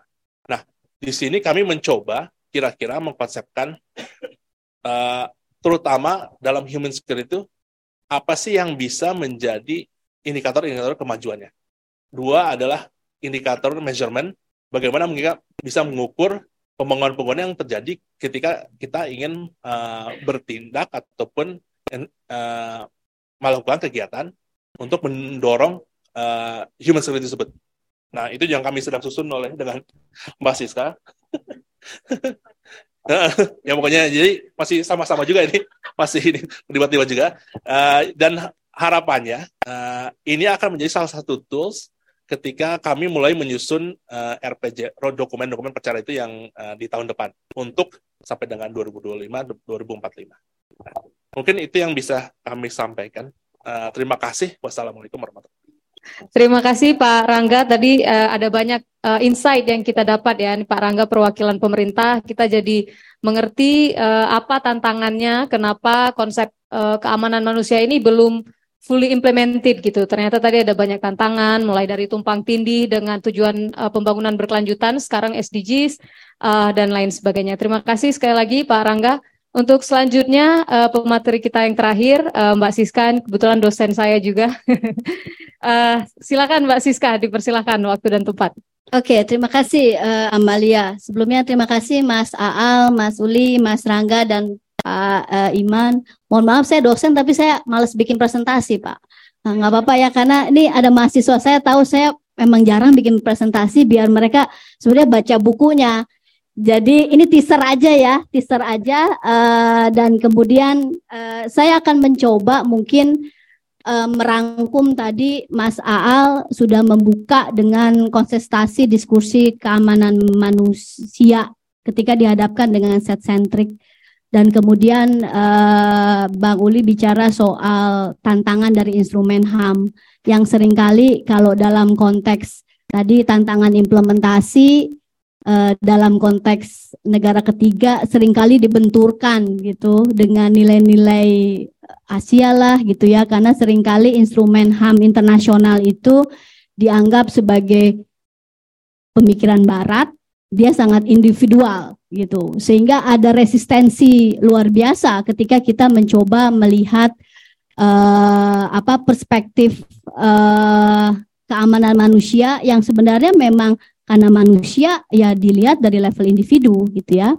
Dan kemudian tadi uh, Pak Imam bicara soal perspektif tantangan ketika rezim apalagi yang otoriter transnasional kemudian dihadapkan dengan challenge makna makna otoritas negara dan saya kira saya akan masuk ke situ mulai uh, mungkin sama sama Mas Aal latar belakangnya HI banget gitu ya jadi ketika kita bicara tentang keamanan manusia, saya akan mulai dari catatan terakhir Mas Rangga bahwa ada semacam persepsi atau stereotip atau prasangka buruk bahwa negara yang set centric sehingga sering kali mengabaikan gitu ya. Apalagi negara-negara pasca otoritarian yang punya pengalaman uh, seperti Indonesia di fungsi ABRI atau negara-negara di Amerika Latin yang punya persoalan uh, apa pembentukan negara bangsa ada resistensi dari militer gitu ya sehingga prasangka bahwa uh, aktor negara sebagai aktor yang punya kemampuan untuk abuse their power gitu ya karena uh, past uh, experience gitu. Nah, kira-kira uh, saya coba untuk mengkonstruksi ulang uh, perspektif itu, uh, saya nyumbang sedikit catatan di situ uh, bagaimana kemudian bahwa ketika uh, konsepsi keamanan manusia diletakkan dalam konteks dikotomi yang bersebangan, saya kira nanti diskusinya akan mentok mana yang paling benar gitu ya kira-kira. Tapi saya mencoba untuk melihat, kira-kira tadi Mas Rangga sudah ada hintnya, ada overlapping, negara pun sebenarnya sudah dituntut dengan rezim internasional gitu ya, dengan tadi ada SDGs, MDGs, bagaimana kemudian ini mulai dengan adanya tekanan untuk merekonstruksi atau merekonstruksi ulang apa sih yang maknanya kedaulatan sebuah negara kira-kira. itu kemudian tadi Mas Rangga bilang ada dokumen UNDP gitu ya agenda for peace yang kira-kira itu eh, semacam curcolnya negara-negara di PBB dan lain-lain melihat fenomena kalau di HI wacananya adalah pasca perang dingin gitu. Bagaimana kemudian kedaulatan negara yang eh, hanya diinterpretasikan sebagai hak sebuah pemerintahan di teritorial tertentu untuk mengatur populasinya ternyata tidak cukup mumpuni ketika melihat ada perpecahan atau konflik yang terjadi di dalam atau interstate. Kita melihat di Bosnia gitu ya atau runtuhan uh, Amerika apa di uh, Uni Soviet saat itu. Jadi intinya adalah konsep kedaulatan negara itu tidak cukup hanya bicara konstruksi hak negara, tapi juga harus diikuti oleh kewajiban negara untuk melindungi warga negaranya gitu. Karena ada konteks bahwa ancaman terhadap keutuhan sebuah negara, ancaman terhadap disintegrasi sebuah negara tidak hanya berasal dari luar negara atau ancaman militer, agresi militer, tapi ada yang dari dalam gitu ya. Sehingga postulatnya adalah ketika uh, sebuah uh, pemerintahan di, diberikan legitimasi untuk mengaturnya, dia juga harus dilekatkan uh, tanggung jawab bagaimana untuk uh, memproteksi uh, warganya. Sehingga mungkin saat ini teman-teman uh, yang uh, belajar HI sudah familiar dengan istilah responsibility to protect gitu ya. Bahwa uh, dalam konstruksi negara itu otomatis ada hak dan kewajiban. Nah, dari situ mungkin catatan kecil saya adalah kita mencoba melihat itu dalam konteks bagaimana negara mencoba untuk uh, apa memperbaiki kondisi pekerja migran Indonesia gitu ya kira-kira. Jadi ada sebuah ruang ketika uh, sebuah pemerintahan kemudian prioritasnya pakai name tag diplomasi to people kira-kira begitu ya bagaimana kita concern terhadap people karena kebetulan agenda pemilunya kita adalah uh, saya adalah kita gitu ya. Jadi very uh, apa namanya people oriented ada konteks di mana negara kalau hitung-hitungan win on lose ya dalam konteks uh, apa besar pekerja migran gitu bahwa uh, melakukan moratorium dengan negara-negara itu kan berarti kehilangan devisa negara gitu ya. Tapi ada konteks kemudian karena dorongan kuat dari lembaga ada di eh, internal dan lain-lain kemudian akhirnya pemerintah mem memilih untuk moratorium eh, dalam konteks eh, migran gitu ya. Nah, dari situ kemudian kita melihat bahwa ketika ada appeal luar biasa untuk memikirkan bagaimana nasib karena ada prioritas diplomasi perlindungan warga negara kira-kira gitu. Tapi persoalannya ketika bicara tentang perlindungan warga negara, kita dihadapkan dengan yurisdiksi nih kalau HI ya. Jadi tenaga kerja dikirim keluar kan hukumnya bukan hukum Indonesia lagi ya, hukum yang di sana gitu. So bagaimana negara mereach out dan tetap melindungi warga negaranya? Kira-kira itu yang menjadi perdebatan, tapi kemudian direspon dengan oke okay, kita hold dulu, kita moratorium, nggak apa-apa nggak kirim gitu ya. Tapi yang menariknya ketika moratorium ternyata jumlah yang imigran ilegal malah makin banyak gitu. Jadi ternyata pasarnya ada gitu ya dan kita melihat kompleksitas sebenarnya di situ. Tapi polanya kemudian ada proses uh, revisi undang-undang tenaga kerja dan 2017 gitu ya.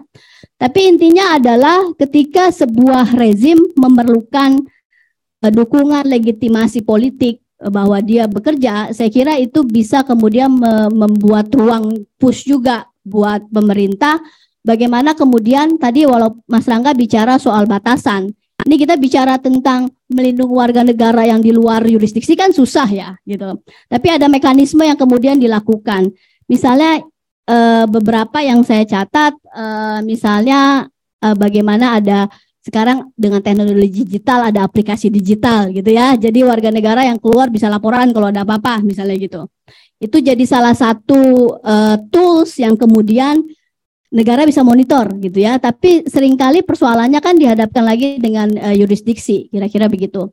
uh, di akhir mungkin uh, saya kira adalah uh, saya melihat ada harapan besar bagaimana menemukan titik tengah uh, negara kemudian juga menemukan kepentingannya untuk merhatiin warga negaranya gitu ya. Kalau enggak dia losing their uh, support konstituen dan lain-lain. Dan saya kira ke depan ketika teman-teman muda sekarang punya keputusan untuk milih uh, pemimpin yang baik gitu ya, memastikan mereka punya orientasi terhadap keamanan manusia. Mungkin dari saya itu selanjutnya bisa dibaca. Terima kasih. Terima kasih banyak Mbak Siska, uh, bagus sekali ini pengantarnya gitu ya. Tadi uh, Mbak Siska membicarakan uh, soal kedaulatan negara itu enggak uh, melulu tentang hak negara, tapi juga membicarakan tentang kewajiban negara, terutama dalam melindungi warga negaranya. Uh, tapi tadi ada cerita tentang kompleksitas, kemudian um, harapannya, apalagi ini menjelang menjelang kontestasi pemilu ke depan uh, untuk kawan-kawan di sini pemilih-pemilih muda untuk lebih menghartikan mungkin calon yang akan peduli dengan keamanan manusia gitu. Uh, selanjutnya setelah um, para pemateri menyampaikan uh, gagasannya, saya akan membuka sesi tanya jawab untuk teman-teman yang ada di sini dan juga yang ada di Zoom. Uh, pertama kita buka tiga pertanyaan dulu. Ada yang ingin bertanya siapa pun? Uh, boleh sebutkan nama dan mungkin pertanyaannya ditujukan ke siapa ya? Bismillahirrahmanirrahim. Salam cinta, salam juang dengan cinta kita berjuang. Assalamualaikum warahmatullahi wabarakatuh. Uh, tadi uh, kenapa saya ingin bertanya? Sebenarnya tidak mau bertanya karena dari teman-teman tidak ada yang angkat tangan, makanya saya lebih baik saya memunculkan diri kan walaupun bodoh.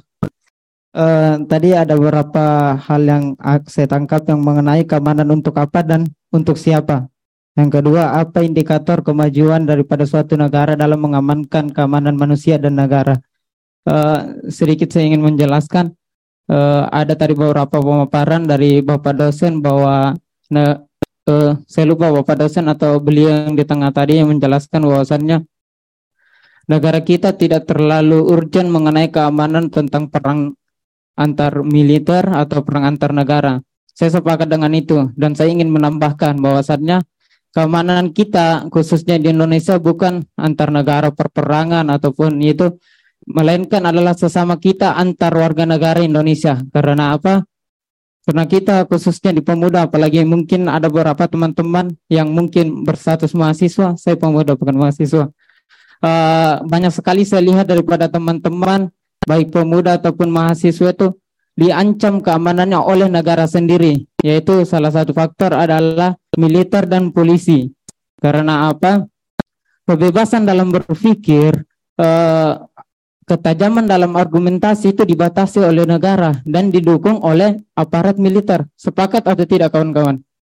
Ah, olehnya itu saya meminta forum-forum seperti ini lebih banyak diagendakan bukan hanya di ibu kota negara. Karena apa? Indonesia bukan hanya Jakarta kota negara yaitu Jakarta. Selalu yang diprioritaskan dalam perbicaraan yaitu bagaimana Aceh dan bagaimana Papua selalu didiskreditkan yaitu Sulawesi dan Kalimantan. Sedangkan kita lihat keamanan daripada saudara-saudara kita yang ada di Kalimantan yaitu uh, keributan antara masyarakat adat yaitu salah satunya mungkin Kerajaan Kutai Kartanegara yang ada di Kalimantan Timur terlalu banyak uh, problematika sebenarnya kalau teman-teman dan mungkin pemateri ada yang sudah pernah jalan-jalan ke sana. Banyak sekali permasalahan di tingkat wilayah sampai tingkat daerah itu. Mungkin tanah adat itu mungkin lahan tanah dan juga rumah-rumah adat yang lainnya. Banyak sekali di situ. Ketidaksinambungan antara bagaimana negara uh, memberikan hak keamanan terhadap manusia yaitu masyarakat adat itu sendiri. Olehnya itu saya berharap dengan adanya forum-forum ini bisa dikembangkan lagi bagaimana pemerintah sebagai fasilitator mengadakan kegiatan ini, bagaimana uh, jalan ke setiap daerah yang ada di Indonesia. Kalau ditanya kenapa bukan mahasiswa di sana yang mengadakan, pertanyaan saya kemudian kami mahasiswa tidak punya biaya untuk mengadakan mengundang pemateri yang harganya 30 juta 40 juta. Olehnya itu saya uh, mewakili mungkin daripada saudara-saudara saya yang ada di Sulawesi ataupun Kalimantan bagaimana orang-orang cerdas yang dilahirkan di Indonesia kemudian memiliki jabatan strategis di ibu kota untuk melakukan kegiatan-kegiatan semacam ini yaitu seminar dan diskusi publik mengenai keamanan manusia. Dan juga perlu saya tegaskan sebagai mungkin karena ada Komnas HAM, eh, banyak sekali kasus-kasus HAM yang mungkin dari tahun 98 sampai sekarang yang disuarakan oleh mahasiswa belum pernah ada satupun isu yang lolos sampai ke pusat. Banyak sekali dari tahun 98 yang saya ketahui sampai sekarang banyak sekali isu-isu nasional yang memakan korban jiwa di daerah kami, kalau saudara-saudara kami yang ada di Sulawesi dan Kalimantan banyak yang meninggal dunia memperjuangkan suara-suara itu dibunuh oleh negara itu sendiri, tapi tidak diberikan uh, haknya sebagai warga negara, yaitu di, tidak diberikan oleh negara itu sendiri. Olehnya itu uh, sedikit uh, sebagai penutup, kita pemuda bukan pewaris abu perjuangan, tapi pewaris api perjuangan. Terakhir sebagai pemuda jangan menjadi sampeng siap dibakar tapi jadilah emas yang siap ditakar. Terima kasih. Billahi taufiq wal hidayah. Assalamualaikum warahmatullahi wabarakatuh. Waalaikumsalam warahmatullahi wabarakatuh. Terima kasih banyak. Ini nggak cuma ngasih pertanyaan, ada saran-saran juga luar biasa sekali. Selanjutnya silakan. Oke, okay, uh, eh, terima kasih atas pemaparan dari uh, para narasumber yang ada di panggung. Tadi saya uh, duduk di situ, saya mendengarkan satu persatu dan uh, cukup komprehensif dan cukup insightful. Saya jadi uh, setidaknya merefresh otak saya lah untuk uh, memahami konsep keamanan manusia ini gitu. Uh, sebelumnya saya perkenalkan diri dulu, Kusuma. Uh, saya mahasiswa HI dan uh, keamanan manusia itu merupakan topik yang istilahnya uh, menjadi salah satu minat saya gitu. Kendati saya uh, bukan anak keamanan banget gitu ya, tapi uh, mempelajari keamanan manusia itu merupakan uh, salah satu yang menjadi uh, minat saya, kurang lebih begitu. Uh, tadi saya mendengarkan soal pemaparan dari ibu dosen bahwa ibu dosen tadi uh, menyebut soal kedaulatan gitu ya. Bagaimana kedaulatan ini menjadi uh, suatu uh, istilahnya dapat kita katakan uh, permainan baru dalam memahami konsep keamanan manusia itu gitu kan. Bagaimana kedaulatan ini uh, dijadikan sebagai titik vokal yang uh, bisa dibilang baru gitu ketika kita uh, mengkonseptualisasikan keamanan manusia. Nah, tapi kan uh, gini ya, kalau misalkan kita memahami konteks keamanan in general. Tadi uh, Mas Al sudah menyebutkan bahwa konteks keamanan uh, konvensional itu adalah uh, state centric gitu, di mana keamanan difokuskan kepada uh, peran aktor negara yang memegang kekuasaan utama begitu kan dalam uh, menumpas ancaman, dalam melakukan uh, berbagai proses untuk uh, mempertahankan kedaulatan tadi gitu. Dan paradigma ini berubah menjadi paradigma yang lebih human centric gitu. Nah, maka pertanyaan saya adalah mungkin untuk semua narasumber yang ada di sini, apakah uh, konsep kedaulatan yang tadi sudah Ibu dosen sebutkan itu uh, istilahnya sudah menjadi obsolete gitu ya di paradigma uh, era human security ini gitu. Apakah harus terdapat rekonseptualisasi ulang mengenai uh, konsep kedaulatan yang dari dulu kita sudah percaya bahwa itu dipegang penuh oleh negara begitu. Dan uh, seperti yang tadi uh, Mas itu sudah sebutkan bahwa uh, nyatanya negara ini masih banyak uh, gagalnya ya dalam menjamin human security terutama di Indonesia. Dan menurut saya itu karena uh, paradigma keamanan kita ini masih top down begitu ya, di mana pemerintah pusat itu masih memegang uh, kuasa penuh untuk menjamin uh, proses berlangsungnya perlindungan keamanan di uh, negara kita Indonesia begitu. Nah, pertanyaan saya yang kedua adalah apakah harus terdapat upaya yang istilahnya lebih bottom up gitu ya dalam uh, kita merumuskan keamanan manusia di, di Indonesia begitu. Apakah uh, kebijakan yang bottom up ini yang uh, dari akar rumput itu uh, harus kita galakan uh, sesegera mungkin gitu dan kalau memungkinkan bagaimana kira-kira uh, pelaksanaannya. Mungkin demikian pertanyaan-pertanyaan saya. Terima kasih. Ya, terima kasih. Ada dua pertanyaan, bagus sekali. Selanjutnya silakan.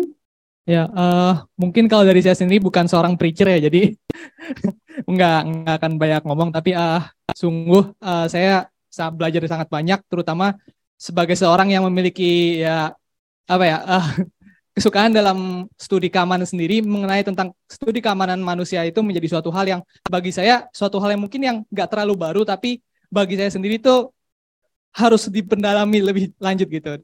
Nah uh, mungkin pertama pertama itu adalah saya ingin menyinggung masalah SDG yang mungkin tadi dari perwakilan oleh Bappenas uh, menjadi suatu dasar akan pembangunan uh, nasional.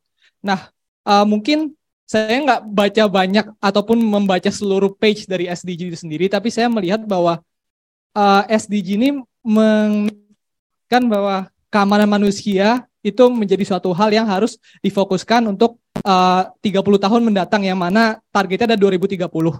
Namun uh, yang saya tangkap di situ adalah SDG sendiri itu seakan-akan membentuk suatu formula yang umum dalam menghadapi uh, keamanan manusia.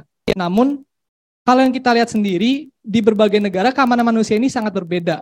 Uh, mungkin tidak hanya di apa ya dalam hal negara, bahkan di Indonesia sendiri kita bisa melihat bahwa keamanan manusia yang dihadapi di misalnya di daerah Jawa itu berbeda dengan yang dihadapi oleh Sulawesi ataupun mungkin dari Kalimantan dan segala hal. Jadi uh, bagaimanakah uh, peran negara ataupun pemerintah dari Indonesia terutama itu mereka bisa membentuk suatu langkah untuk membendung ataupun menanggulangi keamanan manusia ini secara dinamis. Karena se seperti yang saya mungkin pernah saya baca ya, kalau tidak salah itu uh, Bappenas selalu membuat yang namanya rencana pembangunan itu target lima, lima tahun kalau mungkin kalau tidak saya kalau tidak salah ya. Uh, apakah dalam lima tahun itu uh, Bappenas tidak melakukan revisi mungkin sepertinya dalam lima, lima tahun itu ada masalah yang baru, apakah Bappenas tidak memberikan suatu dinamika untuk memasukkan insentif untuk membenarkan hal tersebut? Mungkin itu pertanyaan yang saya yang pertama. Yang kedua adalah uh, ini yang dibawa oleh dari dosen yang UI, saya mungkin saya agak lupa. Uh, jujur saya sangat tertarik ya karena uh, Bapak membawa soal-soal uh, masalah kartel di Af Amerika Selatan yang mana saya sendiri juga sedang mempelajari hal tersebut uh, mungkin yang saya pernah baca itu adalah di Meksiko sendiri kan memang sudah dikatakan sebagai cartel state karena mereka di consider to be a failed state. Uh, yang salah satunya itu adalah saya lupa di daerah mana, tapi mereka di bawah uh, uh, kartel yang Sinaloa. Nah, dan salah satunya itu di situ ada suatu desa yang mana mereka itu melawan Sinaloa namun mereka tidak mendapatkan bantuan dari polisi sehingga mereka harus istilah take take matters into their own hands di mana mereka membentuk suatu kelompok uh, kolektif berdasarkan dari uh, identitas village-nya mereka untuk mempertahankan diri mereka dari uh, kelompok kartel tersebut. Nah, seperti yang kita lihat sendiri itu melihat bahwa uh, states itu bukan satu-satunya yang memiliki kekuatan, melainkan bahkan manusia sendiri memiliki kekuatan untuk mempertahankan diri mereka. Nah, apabila misalnya negara tidak mampu untuk uh, mempertahankan ataupun memberikan jaminan ketahanan kepada manusia, bukankah manusia setidaknya memiliki suatu hak khusus, terutama dalam hal kolektif, untuk memberikan suatu gerakan yang uh, apa ya, secara berbarengan gitu, untuk memberikan suatu rasa keamanan tanpa adanya uh, rasa uh, apa jaminan dari negara dan apakah hal tersebut dapat meng, dikategorikan sebagai ancaman terhadap negara itu sendiri? Mungkin itu saja pertanyaan dari saya. Terima kasih. Ya, terima kasih banyak untuk pertanyaan-pertanyaannya. Kita akan jawab dulu, terus nanti kalau waktunya masih ada kita buka sesi berikutnya.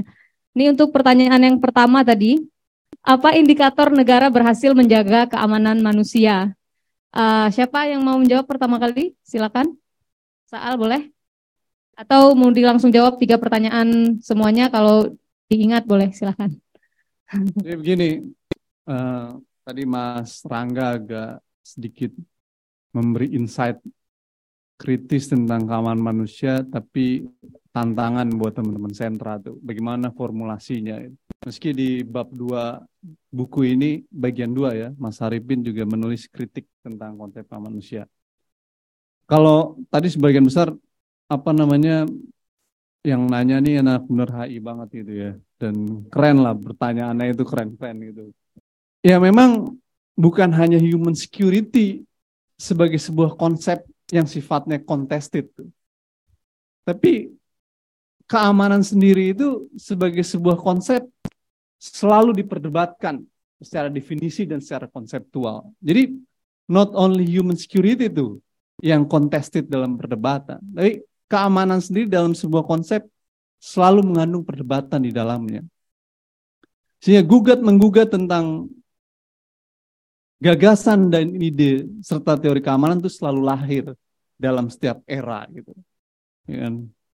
Nah, akhirnya muncullah beragam kelompok misalkan pasca perang dingin yang menggugat konsep keamanan seperti kelompok-kelompok Copenhagen School yang dimotori oleh Barry Buzan dan kawan-kawan yang mengkritisi tentang eh buat apa keamanan kalau pada akhirnya hanya sebatas untuk melindungi rezim gitu. Padahal sejatinya keamanan itu untuk melindungi people, warga dan manusianya. Sehingga dia mengkritisi beberapa hal gitu, tentang gagasan, konsep, dan kritik terkait dengan keamanan itu. Ataupun memunculkan variasi-variasi kelompok-kelompok lain yang mengkritisi tentang keamanan. Nah, apa yang disampaikan oleh Mas Rangga dan beberapa pertanyaan tadi itu penting. Bagaimana menurunkan dan membumikan keamanan manusia dalam formulasi kebijakan, misalkan dalam konteks Indonesia, kira-kira gitu Mas Rangga ya. Sehingga Mbak Penas bisa membuat RPJMN-nya, sehingga Mbak Siska bisa diundang dan saya bisa diundang untuk merumuskan kebijakannya gitu kira-kira gitu. Nah, begini, uh, saya mau memulai tadi dari apa namanya uh, pertanyaan pertama tuh bagus tentang apa uh, redefinisi rekonseptualisasi tentang kedaulatan, keamanan dan lain sebagainya tadi. Nah, yang ingin saya sampaikan adalah uh, apa sih tujuan akhir dari diskusi keamanan itu? tujuan akhir dari diskusi keamanan adalah memastikan rasa aman. Rasa aman siapa? Ya negaranya pasti dalam hal teritorinya. Rasa aman mas? Masyarakat dalam negara juga wajib. Problemnya adalah sering kali terjadi ketimpangan gitu antara kepentingan pelindungan kedaulatan dengan kepentingan manusianya. Ketika misalkan terjadi suatu konflik, lagi-lagi saya katakan Papua, Pemerintah melihat Papua dalam desain perspektif dominannya hanya teritori. Sehingga cara dan pola berpikirnya adalah pendek. Akhirnya pilihan-pilihan penyelesaiannya juga terbatas, yakni operasi militer dalam penanganannya. Jadi saya mau narik di level paradigmanya dulu. Kalau pemerintah punya narasi paradigma tentang human security, maka berpikir bahwa ya teritorinya penting, but people-nya juga penting. Jangan sampai kemudian terjadi untuk menjaga teritori, masyarakatnya kena dampak tuh, seperti pengungsian di Nduga dan lain sebagainya. Maka apa formulasi kebijakan negara? Ya dia harus membangun balancing, keseimbangan tuh. Kepentingan menjaga teritori di satu sisi harus dijaga, oke. Okay. Tapi pada sisi lain memastikan manusianya aman juga wajib. Nah sering kali ini enggak. In the domain of territory, manusianya harus dikorbankan. Akhirnya kekerasan terjadi, pelanggaran terjadi. Bukan begitu ya, Mauli? Itu realitas keamanan yang ada. Saya yang terakhir bangun, lo harus nggak bisa begitu. Harus membangun balancing. State teritorinya yes, tapi peoples-nya harus dilindungi. Makanya saya menganggap bahwa narasi paradigma keamanan manusia bukan di Mas Rangga. Kalau Mas Rangga tahu detail tadi tentang manusia, mungkin di bos-bosnya atau di bosnya lagi. Khususnya di level yang lebih inti pengambil kebijakan. Menurut saya lemah dan tidak cukup matang untuk memformulasikan diskursus ini gitu. Padahal harusnya bisa gitu untuk melakukan itu. Kalau perspektifnya balancing maka misalkan dalam konflik Papua ya udah memastikan rasa amannya negara menggunakan kekuatan apa? Law enforcement aja terbatas gitu. Untuk memastikan manusianya gimana? Ya pastikan bahwa operasi-operasi itu jangan sampai terjadi persoalan-persoalan yang serius misalkan terhadap kekerasan pelanggaran HAM. Dan itu harus dibatasi. Tapi faktanya kan enggak. Misalkan pos-pos sekolah dijadikan tempat markas untuk perlindungan dalam operasi militer, padahal itu dilarang dalam hukum uh, humaniter internasional dan lain-lain. Itu contohnya ya dalam melihat aplikasi paradigma antara keamanan rezim dan keamanan manusia. Yang kedua menurut saya yang menarik adalah tadi terkait rekonseptualisasi walaupun Barry Busa menyatakan tentang keamanan manusia ada hal yang esensial, tapi in the end, akhirnya state responsibility juga yang digugat dan dituntut untuk memastikan keamanan manusia tuh. Gitu. Jadi dalam memastikan keamanan negara teritori, negara menjadi objek dan subjek yang harus menjaga. Tapi pada saat bersamaan untuk memastikan rasa aman keamanan manusia, negara juga harus menjadi aktor yang berperan di dalamnya. Jadi bukan lepas tuh hanya kepada non negara, tapi state responsibility-nya harus hadir untuk memastikan itu. Jadi nggak dilepas diskursus keamanan manusia itu, negara harus masuk di dalam hal itu. Nah, itu menjadi hal yang bagian penting untuk dicatat. Saya melihat formulasi kebijakan-kebijakan tentang keamanan manusianya masih loose di Indonesia dan belum cukup matang dalam beberapa hal eh, terkait dengan beberapa isu gitu ya. Misalkan dalam soal konflik, dalam soal isu bencana alam, dalam soal wabah penyakit gitu ya, dan lain sebagainya itu itu masih menjadi persoalan uh, kita gitu.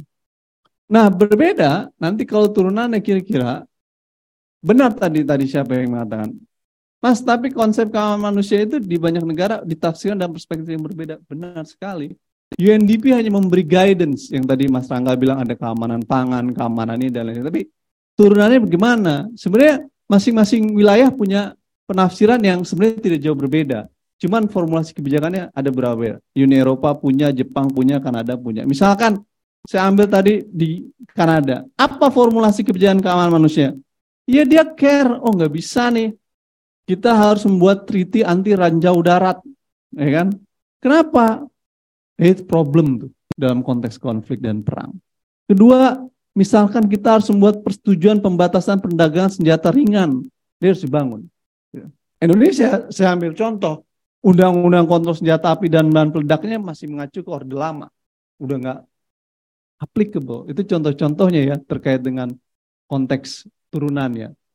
Misalkan lagi memastikan tentang pelindungan anak-anak dan wilayah pengungsi, bagaimana formulasi kebijakan pemerintah di dalam dan juga kebijakan luar negerinya and so on and so on. Jadi banyak itu contoh Kanada. Kalau Uni Eropa dia lebih fokus tentang bagaimana memastikan membangun apa yang disebut dengan konflik prevention. Jadi konflik itu jangan didiskusikan pasca terjadi kekerasan. Tapi kita harus diskusikan bagaimana negara memiliki narasi imajinasi ke depan agar konflik dan kekerasan potensi itu tidak terwujud dalam bentuk kekerasan. Sehingga perlu melakukan apa yang disebut konflik prevention, pencegahan dan sebagainya. Ini kan Kemenko apa namanya nih? Manusia itu kan punya base data apa kata dia? Wilayah potensial konflik apa dan sebagainya. Pertanyaan saya, bagaimana Anda memastikan itu dalam konstruksi keamanan manusia untuk melakukan pencegahan konflik supaya tidak bertimbul kekerasan di tengah Indonesia yang memiliki persoalan dengan konflik kekerasan. Itu di negara Eropa. Serta misalkan persoalan tentang lagi-lagi eh, isu kerjasama sipil militer dalam operasi kemanusiaan, pengaturan perdagangan senjata ringan, pengurangan isu emisi gas karbon dan sebagainya. Eh, Uni Eropa punya guidance human security dalam formulasi kebijakannya. Jepang jauh lebih progresif karena Jepang memotori PBB pada tahun 1998 itu udah lama lewat Perdana Menteri Obuchi untuk membangun Human Security Trust, Trust Fund tuh yang dikelola oleh PBB. Yang wujud-wujud nyatanya adalah implementasi tentang bantuan bencana alam dan lain sebagainya dan Indonesia mendapatkan dampak dalam kasus tsunami. Question saya adalah Indonesia bagaimana dalam formulasi kebijakan keamanan manusianya? Saya belum melihat formulasi yang matang tentang itu gitu.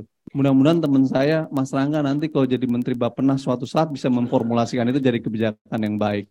Gitu. Terima kasih ya.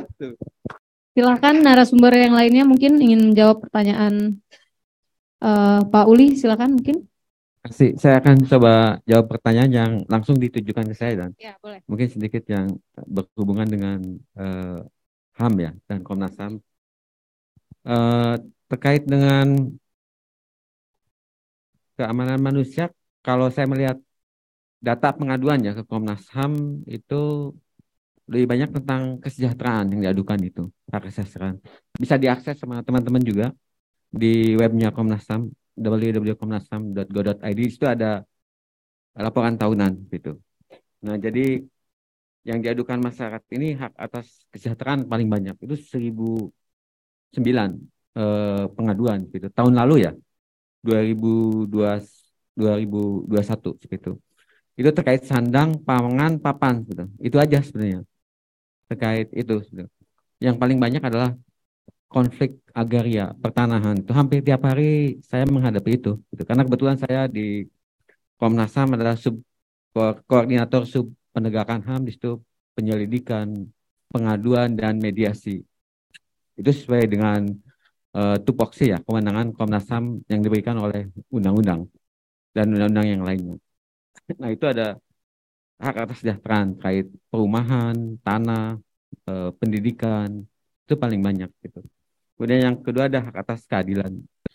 Ada 910 kasus pengaduan kalau hak keadilan terkait dengan proses hukum misalkan di pidana misalkan itu ada kriminalisasi yang seperti itu. Nah, yang ketiga baru hak atas rasa aman, 173 pengaduan gitu. Nah, jadi isu tentang keamanan manusia yang paling banyak adalah hak atas kesejahteraan, terkait sandang, paman, papan. Nah, itu itu itu juga jadi kerja prioritas kami itu di selama enam bulan ke depan, tapi tidak menutup Eh, kasus-kasus uh, yang lainnya terkait dengan hak asasi manusia. Kami juga ada kantor perwakilan di enam wilayah, di enam provinsi ya, itu uh, Papua, uh, Ambon, Palu, Pontianak, uh, kemudian juga Aceh dan Padang. Nah tadi ada teman-teman mahasiswa ya yang nanyakan gitu di luar Jawa fokus. Kami juga fokus ke sana, ke utama daerah konflik ya Papua. Nah, kami ada di situ. Tapi memang keterbatasan sumber daya yang ada di Komnas HAM, eh, kami hanya beberapa kewenangan yang eh, kami eh, laksanakan, terutama pemantauan, ya. pemantauan, kemudian juga pengawasan. Nah itu, kami juga ada kewenangan untuk eh, penelitian, eh, pendidikan. Nah untuk pendidikan itu juga bisa kerjasama. Teman-teman misalkan ada di luar Jawa gitu, di Papua atau Ambon, uh, Maluku gitu itu juga uh, kami bisa kerjasama untuk uh, melakukan pendidikan hak asasi manusia termasuk isu tentang keamanan uh, manusia. Nah itu. Nah untuk kasus-kasus tahun 98 pelanggaran HAM berat sebenarnya kami sudah uh, serahkan ke kejaksaan gitu. Kejaksaan agung ya gitu. Kami Komnas sebagai uh, melakukan penyelidikannya, bukan penyidikan, penyidikan Kejaksaan Agung, tapi Komnas penyelidikan gitu. Ada lebih dari 10 11 kasus pelanggaran berat, tapi kemudian dibalikin ke kami dan itu kami balikin lagi ke Kejaksaan Agung gitu. Nah, prosesnya seperti itu. Uh, jadi intinya uh, untuk keamanan manusia ini penting gitu. Sebagai jadi pendekatan asasi manusia adalah uh, keamanan manusia gitu. Jadi tadi saya seperti saya lagi ya pelanggaran HAM terjadi karena begitu dominannya uh, apa keamanan negara konsep keamanan negara itu uh, harus dinaikkan uh, konsep uh, pendekatan tentang keamanan manusia itu. Itu aja ada jawabannya. Ya. Terima kasih. Terima kasih banyak uh, Pak Uli. Uh, mungkin ke Mbak Siska tadi ada yang mention tentang konsep kedaulatan. Uh, apakah ketika membicarakan tentang keamanan manusia, konsep kedaulatan negara ini bisa di apakah perlu direkonstruksi ulang apa tetap kedaulatan negara ini sifatnya absolut gitu. Silakan, Mbak. Ya, uh, pertanyaan menarik sangat teoritis ya, menunjukkan mahasiswa banget gitu ya, konstruksi. Tapi intinya sama dengan Mas Aal tadi, bahwa kalau kita bicara tentang keamanan, Mas Aal tadi udah bicara tentang etis etimologinya gitu ya aman itu maksudnya apa sih gitu ya nah eh, seiring dengan perkembangan waktu kalau kita bicara tentang negara itu udah masuk ilmu politik ilmu pemerintahan. Tapi kan wujud negara itu tadi Mas Al sudah bicara istilahnya ada empat elemen gitu ya. Pemerintahan populasinya gitu eh, kemudian ada teritorinya. Kalau di HI pengakuan dari negara lain penting gitu ya. Tapi intinya adalah ketika bicara tentang mendefinisikan aman, itu aman dari ancaman, aman dari siapa, aman gimana. Dan itu kemudian tergantung konteks negaranya masing-masing dong, gitu ya. Nah, kalau secara metodologi yang paling yang paling apa yang paling simple dan sering dipakai biasanya untuk mengukur aman itu aman dari ancaman misalnya gitu ya. Jadi kalau ancaman yang nggak ada berarti aman. Tapi kan tidak sesimpel itu. Ketika ternyata uh, sumber ancamannya negara gitu, ya. Atau misalnya jadi uh, aman buat siapa nih gitu ya. Siapa yang mendivisikan menjadi penting gitu. Sehingga ada Uh, kalau dalam konteks sistem pemerintahan bahwa sistem pemerintahan dan demokrasi itu membuka ruang bagaimana konstruksi amannya itu dikontestasi aman buat siapa aman dari siapa bagaimana mencapainya jadi aman with who gitu ya nah dulu salah satu uh, pergeserannya adalah tadi ada yang menyebut fail state gitu ya bahwa negara yang yang gagal melaksanakan tugasnya masyarakatnya nggak aman gitu ya. Tapi kira-kira sekarang pergeseran kontestasinya kalau dulu kondisi fail state itu negara tidak hadir misalnya gitu ya. Sekarang berkembang menjadi negara tidak berfungsi dengan seharusnya yang dia harapkan gitu ya. Kenapa? Misalnya kan harusnya negara melindungi misalnya ya, mempromosikan melindungi HAM.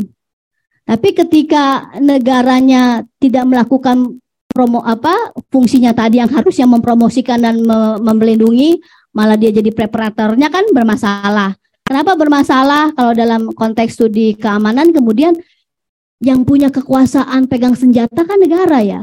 Gitu misalnya ya. Jadi dibalikan ke situ. Jadi ketika kita bicara tentang kedaulatan dan lain-lain itu pasti kita akan bicara tentang partikularisme. Jadi kontekstual negara tersebut sistemnya gimana, kebudayaannya gimana gitu ya, termasuk nanti Ma, Mas Imam bisa bicara kenapa kartel bisa subuh tubur di Amerika Latin, apakah ada pengaruh sosial budayanya atau segala macam gitu ya. Kenapa negara-negara Amerika Latin susah banget keluar dari uh, konteks sipil militer yang seperti itu gitu. Itu pasti penjelasannya partikularisme tuh gitu.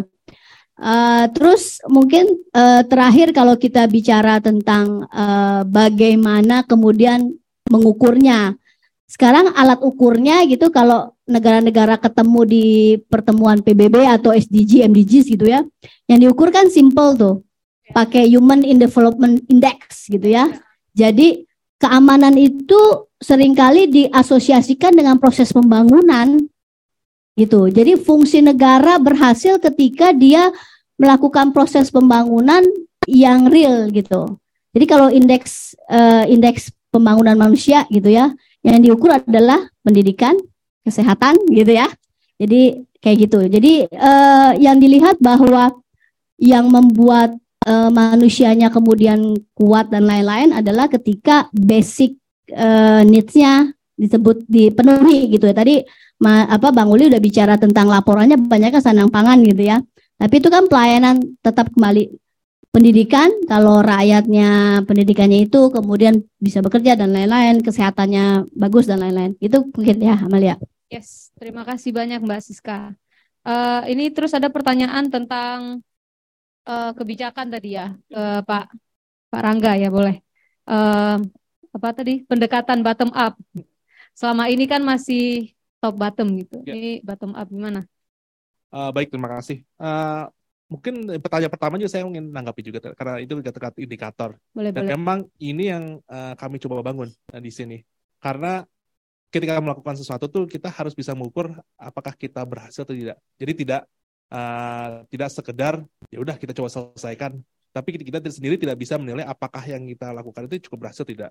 Dan ini belum ada persetujuan juga. Karena indikator masing-masing tadi sampaikan indikator masing-masing negara, masing-masing daerah, masing-masing orang pun berbeda-beda. Dan termasuk uh, konsep terhadap kon, uh, human security ini uh, keamanan manusia ini masing-masing orang pun masih berbeda-beda. Sehingga sulit untuk menemukan uh, menemukan kira-kira mana yang indikator-indikator uh, ataupun uh, konsep istilah human, keamanan, uh, keamanan manusia itu yang paling tepat uh, yang harus dilakukan yang tadi disampaikan oleh uh, Al Arab adalah yaitu harus cari keseimbangannya itu dan setidaknya kesepakatan uh, beberapa orang. Dan ini yang mungkin beberapa yang tadi disampaikan uh, Mbak Sisa bahwa salah satunya itu adalah satunya uh, terutama untuk climate change dan juga untuk SDGs dua hal tersebut yang saat ini mungkin ada kesamaan pemahaman bahwa uh, setidak-tidaknya untuk untuk keamanan manusia itu uh, untuk mendapatkan uh, right untuk uh, welfare maupun untuk apa namanya untuk kehidupan yang layak yaitu pendidikannya harus uh, harus dijamin uh, harus ada jaminan untuk bisa mendapatkan uh, penghidupan. Harus mendapat jaminan untuk uh, untuk apa namanya untuk untuk uh, berekonomi. Uh, dan seperti indikatornya juga jelas. Unemployment juga uh, jelas apa namanya ada korelasinya. Ketika daerah-daerah yang unemployment tinggi itu uh, keamanannya semakin tidak terjamin. Uh, lalu kedua Gini rasio. Ketika Gini rasio itu ketimpangan itu semakin tinggi, potensi-potensi uh, konflik itu semakin tinggi. Dan mungkin itu yang bisa uh, mulai diberangkatkan, walaupun itu mungkin uh, judulnya masih belum uh, human security, tapi adalah salah satu yang uh, mungkin bisa disepakati adalah yang untuk mendukung uh, sebagai indikator untuk uh, human security tersebut. Ya. Lalu uh, pertanyaan kedua juga menarik dengan kedaulatan karena saya langsung keinget tuh ya mungkin di dunia yang ideal mungkin ya itu ketika semua keamanan manusia mesti ada, ada jaminan seperti itu mungkin uh, bisa terwujud. Nggak nggak usah lah ada negara. Uh, nggak usah itu karena memang ada kesepakatan ke semua tapi uh, sayangnya memang kita belum bukan uh, hidup di dunia dan sebagai salah satu ya itu tadi yang disampaikan oleh Pak Imam itu tadi ketika tidak ada kedaulatan akan muncul uh, seperti iya, kata-kata itu. ada betul betul. Ada intensitas-intensitas lain yang belum tentu itu bisa uh, menjamin uh, kepentingan uh, semua seluruh masyarakat. Yeah. Dan uh, saya sekarang mungkin ke yang pertanyaan tiga yang lebih khusus. Pertama uh, untuk SDGs uh, setuju memang untuk tiap-tiap negara itu berbeda-beda uh, dan juga untuk tiap daerah itu beda.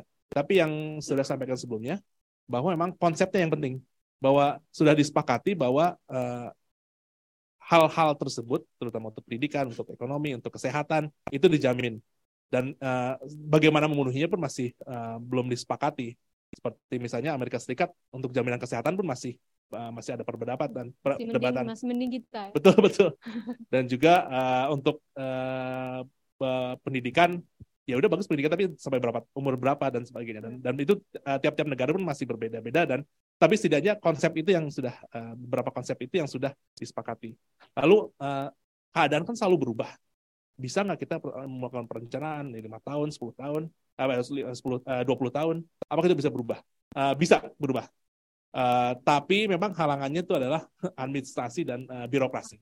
Nah, uh, oleh karena itu RPJMN memang uh, yang mungkin sebelum-sebelumnya itu lebih kaku, yang untuk lima tahun terakhir ini adalah uh, ada ada kata khusus bahwa ini adalah indikatif. Hmm. Jadi ketika nanti ada perubahan, itu sebetulnya perubahan, tapi nanti mungkin tidak merubah RPJMN ya. Tapi merubah nanti tiap tahunnya kita akan melakukan sesuatu, merencanakan uh, untuk tiap tahun itu yang uh, itu yang kami melakukan perubahan. Sehingga kami tidak perlu harus merubah Perpres, harus meng, uh, harus merubah apa namanya, harus uh, melakukan apa namanya uh, musrenbang untuk perubahan-perubahan tersebut. Dan itu juga sekalian menjawab memang kami mencoba mencari balance tidak hanya karena Bappenas itu mungkin sangat makro ya. Kita kacamata itu kacamata helikopter yeah. untuk melihat dan itu tentu tidak bisa melihat permasalahan yang ada di daerah. Makanya ada ada apa namanya? ada ada uh, istilah ada yang musrenbang itu dari tiap dari RT. Jadi mereka melakukan musyawarah kira-kira apa sih yang perlu dikan ini? Lalu dibawa ke hmm. atas uh, ke tingkat kelurahan sampai dengan ke tingkat kota, ke kabupaten kota. Ini apa nih uh, perlu di perlu diangkat dan perlu dipermasalahan yang harus dihadapi uh, ke depan dan apa yang harus bangun sampai ke provinsi sampai nanti ada musrembang nasional dan itu bukan solusi yang satu persen tepat ideal karena memang itu karena itu berjenjang ini nanti ah ini nggak usah nih nggak apa antara semua kepentingan itu ada yang ketinggalan ah. dan juga nanti ada miskomunikasi ke atas uh, karena yang dia menyampaikan kan dari provinsi pun uh, mereka juga mungkin tidak tahu keadaan-keadaan khusus di tiap-tiap RT-nya dan hmm. uh, yang penting adalah bagaimana kita bisa melakukan sistem uh, pelaporan itu perbaikan. Itu yang saya rasa penting. Dan juga uh, pelajaran yang kami dapatkan adalah uh, memang perencanaan itu kita ingin se sedetail-detailnya untuk kita bisa menjamin bahwa itu terjadi, hmm. tapi kami pun tidak bisa kaku sehingga perubahan itu tidak bisa jadi. Jadi kami mencoba mencari balance di antara kedua itu dan itu yang mungkin uh, memang kami kami semua masih belajar untuk men mencapai tersebut. Terima kasih. Ya, terima kasih Pak Rangga. Selanjutnya untuk Pak Iman, silakan Pak. Terima kasih Mbak. Ini Saya kira udah lengkap semua ya pembicara sebelumnya nih. Uh, saya malah merasa kayak kuliah dua semester begitu. Uh, saya bicara yang terakhir aja tadi. Siapa Mas yang Mas Satrio dari mana? Uh, dari para Madinah ya. Ini muridnya Mbak Siska nih pasti. Ini pengetahuan tentang Amerika Latinnya luar biasa ya, tapi jangan dipraktekkan ya di Indonesia ya, karena saya kira kita sudah banyak kasus. Saya mencoba cerita Amerika Latin ya. Eh, kebetulan saya memang mengajar di S1 Amerika Latin dan di kajian Amerika di Pasca Sarjana UI itu tentang Amerika Latin. Biasanya mahasiswa itu kalau saya tanya apa yang Anda tahu tentang Amerika Latin? Ya pertama Miss Universe ya. Jadi memang cantik-cantik. Saya kira uh, saya nggak munafik lah ya. Dari 10 perempuan Amerika Latin yang saya lihat 13 yang cantik ya. Yang kedua uh, sepak bola ya. Sepak bola saya kira hampir semua dan yang ketiga tadi yang baru diceritakan ya tentang eh, bandar narkoba ya. Tapi pengetahuan Mas Satrio ini bagus tentang Sinoloa ya. Jadi begini, ada dua tadi tadi yang ditanyakan ke Mbak Siska, kenapa uh, human security itu tidak jalan. Pertama, pengalaman kolonialisme yang berbeda dengan apa yang kita alami ya. Jadi kalau di Filipina, uh, kalau di Asia Tenggara, Filipina tuh mirip sekali ya. Kolonialisme Amerika Spanyol di Amerika Latin itu sering kali disebut conquista, conquer, menaklukkan. Berbeda kalau kolonialisme di Inggris di Amerika atau Belanda di kita gitu ya. Jadi mereka punya asumsi sebelum mereka datang Amerika Latin itu kosong. Jadi orang indigenous ini eh, jutaan orang dibunuh ya kira-kira itu ya. Jadi mereka ingin membangun apa yang disebut uh, Mondial Nuevo ya, dunia baru ya. Dan slogannya tuh tiga Mas Satrio, gospel, gold, dan glory ya jadi mereka merasa punya beban uh, keagamaan karena masyarakat Amerika Latin itu barbar ya. Kalau anda baca majalah Tintin itu ada persembahan pada dewa matahari itu. Jadi mereka berusaha mengadapkan. Sering disebut white man's burden bebannya orang kulit putih. Glory karena pada saat itu negara-negara Eropa saling cari daerah jajalnya ya. Prancis di Afrika. Yang kadang-kadang sebetulnya ya untuk menunjukkan kami bangsa besar gitu. Dan gold ya mereka mencari bahan-bahan mentah ya Amerika Latin ini luas sekali ya. Uh, bentuk kolonialismenya menciptakan apa yang kita kenal sebagai hasendados ya, tuan tanah tuan tanah ini. Kalau bicara tuan tanah, Mbak Siska bukan kayak tuan tanah Betawi ya, punya dua hektar udah ngaku tuan tanah. Di sana ratusan hektar, persis kayak di Filipina Ya, jadi keluarga Marcos dan keluarga Aquino dua-duanya tuh asalnya tuan tanah. Akibatnya mereka butuh private army Mas Satrio untuk ngontrol ya. Eh, dulu dengan budak-budaknya itu ya. Jadi untuk ngontrol dia uh, butuh uh, pasukan yang mereka biayain gitu.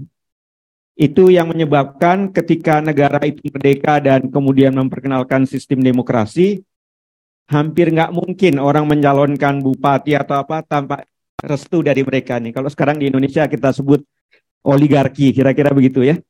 Nah, itu. Yang kedua, kenapa muncul seperti itu? Dulu Amerika itu punya program zaman Kennedy disebut Aliansa para Progreso, Aliansi untuk Kemajuan. Itu bantuan terbesaran terhadap 10 negara Amerika Latin ya.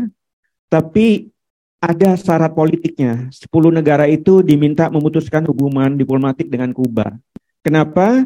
Karena Kuba 51 sampai uh, uh, 59 sampai 61 itu revolusi sosialis berhasil dan mulai menyebar ke mana-mana ke El Salvador, ke Kolombia ya. Apalagi pesona dari revolusi Rusia 1917 itu mulai. Jadi Amerika takut. Ya. Amerika Latin itu sering disebut backyard dari Amerika, halaman belakang. Jadi dia memberi bantuan, tapi syaratnya mereka memutuskan hubungan diplomatik. Kuba itu diblokade sejak tahun 61, eh 62 oleh Kennedy. Sempat agak dibuka oleh Obama tapi ditutup lagi oleh Donald Trump ketika berkuasa. Ya. Jadi kekhawatiran itu yang sebetulnya sampai sekarang berlebih-lebihan. Akibatnya apa? Akibatnya negara-negara Amerika Latin itu dianggap dia menjadi orbitnya Amerika, ya.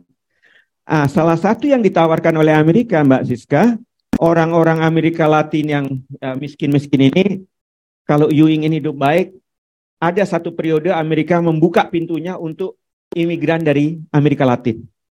dari Salvador, dari Kuba. Waktu dari Kuba Fidel Castro uh, agak agak nakal.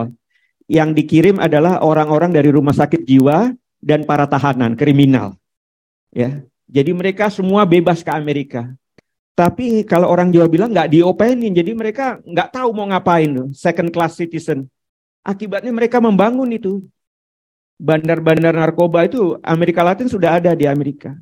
Dan ketika itu mulai menjadi beban buat Amerika, banyak yang dideportasi. Ya, asalnya udah jadi mafia di sana, dideportasi ke El Salvador ya, dia bangun kerajaan-kerajaan itu. Jadi ini memang kuat sekali, ya. Jadi Mas Astrio belajar aja, jangan meniru ya. Itu penting sekali. jadi itu yang jadi masalah ya. Eh, wilayah-wilayah uh, di Meksiko yang tadinya menjadi wilayah turis itu menjadi uh, wilayah. Demikian juga Brazil ya. Walaupun Brazil itu dijajah oleh Portugis, tapi sedikit banyak punya pola yang sama. Sehingga di satu sisi mereka berkembang, di satu sisi negara punya keterbatasan untuk bisa menjangkau mereka. Karena tadi ada faktor lawless area ya dan geografi ekonomi, daerahnya pegunungan-pegunungan begitu. Susah terjangkau. Nah, sekarang kekhawatiran yang mulai muncul, kemudian saya studi sendiri kepustakaan, kelompok-kelompok Hezbollah di Lebanon, kelompok-kelompok Al-Qaeda yang mulai terpukul, itu mulai lari ke wilayah Amerika Latin. Ya, walaupun mereka pelarian, tapi bisa jadi camp-camp. Ya, dan saya mulai melihat indikasinya kedutaan Israel di Buenos Aires itu pernah diledakkan. Asosiasi Argentina Yahudi komunitas itu pernah juga diledakkan. Jadi mungkin 10 tahun dari sekarang mereka menjadi kekuatan. Nah, Amerika sempat agak melupakan wilayah Amerika Latin ketika pasca Perang Dingin, mereka konsentrasi dengan Arab Spring di Middle East. Nah, sekarang saya kira mereka harus ingat Amerika Latin mulai ada persoalan juga karena ini, ya. Ada slogan di di Meksiko itu uh, Latin Amerika itu far away to God tapi close to United States ya. Jadi sangat bergantung sekali dengan dengan Amerika. Tapi sekarang kita nggak tahu. Saya sering melihat pengalaman adalah sifat dalam tanda kutip ya mendua dari masyarakat Amerika Latin. Kebencian mereka pada Amerika besar sekali ya. Orang Amerika Latin kalau mau minta visa itu ke kedutaan Amerika, maaf ya, kayak ternak ngantri gitu ya. Dan kadang-kadang penolakannya tuh karena petugasnya udah capek aja, udah datang lagi besok. Tapi orang Amerika, Mbak Rizka, kalau ke Amerika Latin cukup kartu mahasiswa dan surat kenal lahir bahwa dia lahir di Amerika. Itu bisa masuk ke mana-mana. Dari situ aja kelihatan proses diskriminasi itu. Jadi gitu Mas Satrio ya. Sekali lagi saya ingatkan Anda belajar tapi jangan copy paste kegiatan itu. Terima kasih. Tiba ada kartel baru. Uh, ya, Mas Al tadi sebenarnya ada satu pertanyaan lagi di Zoom, kayaknya nih spesifik ke Mas Al tentang perbantuan militer dan hubungannya dengan uh, keamanan nasional, gimana harusnya negara merespon supaya tidak terjadi uh, kekerasan, abuse of power gitu. Uh, mau dijawab atau singkat? Silakan Mas Al. Ya, kalau ini isunya keluar keluar topik tapi oke okay lah. Saya coba kaitkan. Ya, Operasi militer selain perang atau military operation other than war atau orang sering sederhanakan tugas perbantuan di dalam Undang-Undang TNI 34 2004 sebenarnya sudah sangat jelas. Pasal 7 ayat 2 ayat 3 itu cukup jelas ada 14 tugas lalu kemudian untuk menjalankan tugas itu dilakukan atas dasar keputusan politik negara, ini keputusan presiden dengan pertimbangan DPR. Jadi semua pelibatan militer dalam tugas operasi selain perang itu harus dasar kebijakan politik negara. Itu yang digugat oleh teman-teman imparsial, koalisi SSR. Apakah operasi militer selain perang di Papua itu sesuatu yang legal atau ilegal? Karena deployment pasukan non-organik ke Papua itu tanpa keputusan presiden. Saya simpulkan berdasarkan pada Undang-Undang TNI 34 2004 itu operasi ilegal karena nggak sesuai Undang-Undang TNI 34 2004. Nah yang kedua adalah kalau kemudian operasi selain perang ini dilakukan dengan tugas perbantuan, harus mengacu kepada Undang-Undang TNI gitu. Yang jelas harus ada keputusan politik negara yang keputusan politik presiden nggak bisa tuh tanpa keputusan. Kenapa penting keputusan politik presiden adalah sebagai basis dasar untuk state responsibility atas operasi yang dilakukan. Kenapa operasi selain perang dan perbantuan itu di dalam negeri? Hubungannya dengan masyarakat.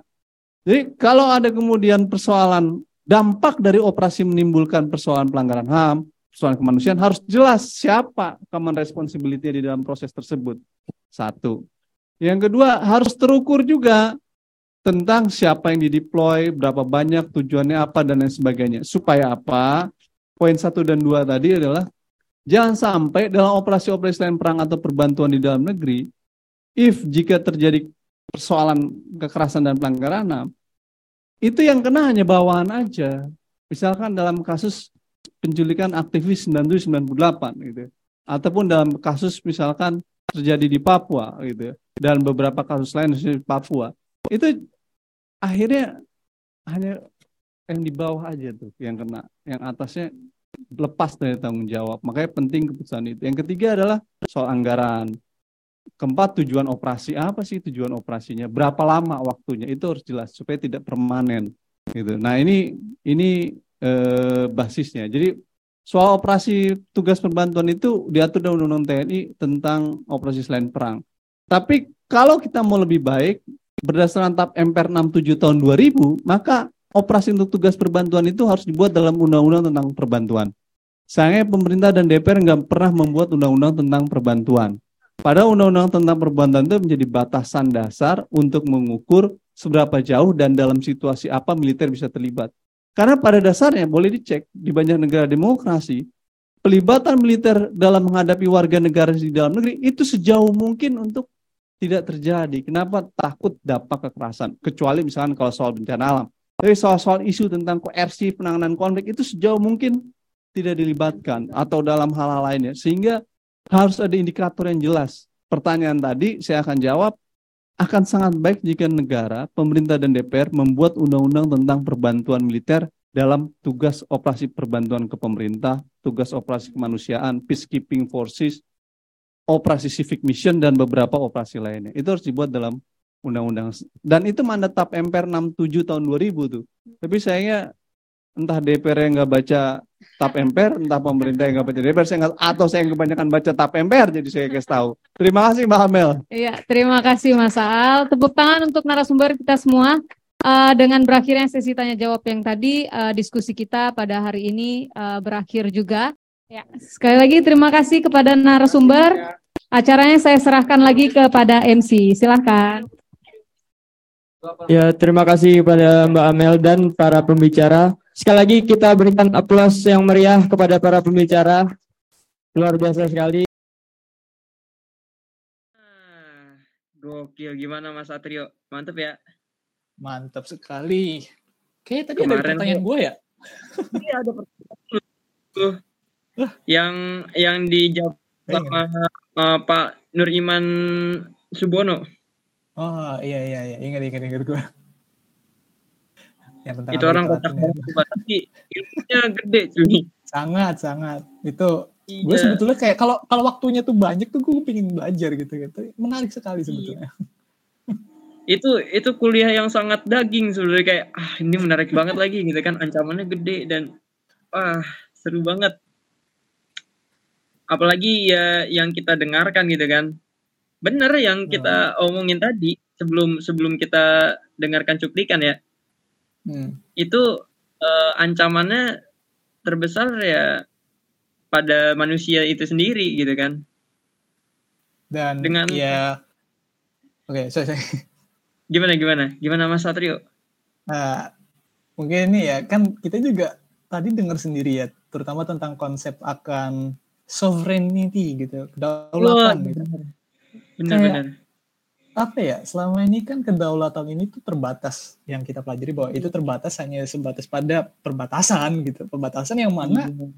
itu cuma digambar doang oleh ya disetujui oleh mereka-mereka yang punya kebijakan kan mereka yang punya power gitu hmm. tapi ketika ada ancaman manusia gitu ancaman yang mana manusia ini kan tidak bisa dibataskan gitu kan lalu ke mana-mana lihat manusia gitu loh hmm. dan nggak peduli lo mau dari kelompok mana pun ya ujung-ujungnya manusia sehingga apakah kedaulatan ini harus direvisi gitu loh itu jujur nah. sebetulnya memang sangat menarik gitu pertanyaan Menarik, menarik. Wah, tidak terasa gitu ya. Kita sampai sejauh ini nih, apa membahas ini. Karena bahasannya seru guys, bahasannya seru. Tentang studi keamanan itu seru sekali, apalagi keamanan manusia ya. Keamanan manusia betul. Mungkin kayak kita kalau ngomongin tank segala-segala itu udah kayak ya out to date lah gitu. Iya. Bahas bahas uh, tank, bahas senjata, alah bisa di PUBG. eh, gue ngomongin PUBG nggak pernah chicken dinner makanya gue males bahasnya. makanya kawan coba gitu. Lu biasa mainnya Counter Strike sih. Udah gitu bukan yeah. Counter Strike DO. Itu mah nggak usah dibahas ya aim gue. Lanjut. ah ya udahlah, mungkin kayaknya cukup ya. Ini yeah, pembahasannya yeah. udah sangat panjang. Ini sih rekor terbaru sih. Pembahasannya panjang banget nih. Mungkin kalau misalnya ada waktu lebih bisa banget nih kita ngomong ngobrol-ngobrol bareng kan nama Kak Gazali hmm. mungkin kan. Iya benar. Nggak sama Satrio aja. Wah, Aduh. ini orang pinter. Loh, Kak Gazali kan juga pinter ya. Iya. Ya udahlah, mungkin uh, pertama gue pengen ngucapin juga terima kasih kepada Himahi yang bisa berkolaborasi bekerja sama sama Parmax. Terima kasih banget, semoga uh, di lain hari kita bisa kerjasama lagi. Anjay, Terima siap. kasih juga pada sentra inisiatif dan imparsial yang sudah mengajak kami berkolaborasi dalam diskusi publik ini. Sangat menarik. Dan harapannya sih gue juga berharap semoga ke depannya kita bisa menghadirkan diskusi-diskusi kayak gini nih. Menarik soalnya. Bener ya? Tuh. Mungkin uh, dari gue sendiri ya eh, sebagai perwakilan Himahi gitu juga sangat berterima kasih kepada kesempatan untuk kerjasama dengan Parmax ya yang mana iya. ini menurut gue tuh ini kolaborasinya tuh kolaborasi duo setan gitu. Loh dan ya gue berharap kerjasama ini bisa terus kita kembangkan gitu kan. Dan iya. terima kasih banget tadi kepada sentra inisiatif dan imparsial atas ya wawasannya ini benar-benar mind breaking, sungguh teramat amat jelas. itu membuka wawasan gue dan mungkin kalau ini bagi kalian teman-teman juga yang kesusahan nih mencari topik untuk skripsi ini ya, mungkin ini bisa menjadi ah. bahan untuk kalian. Terutama guys, guys. Itu nih MHI nih, MHI bab satu nih, aduh. Oh iya bener, dapat nih?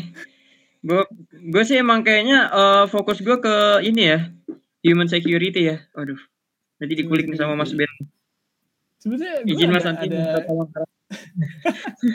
gue ketertarikan sama isu drugs ya, sebenarnya kayak ya antara dunia narkoba gitu. Tapi gue gak nyoba narkoba gitu, gue isu-isunya gitu kan pelajari. Betul betul. Iya. Gue kayaknya seperti yang Bang Ben bilang gitu. Mana, apa?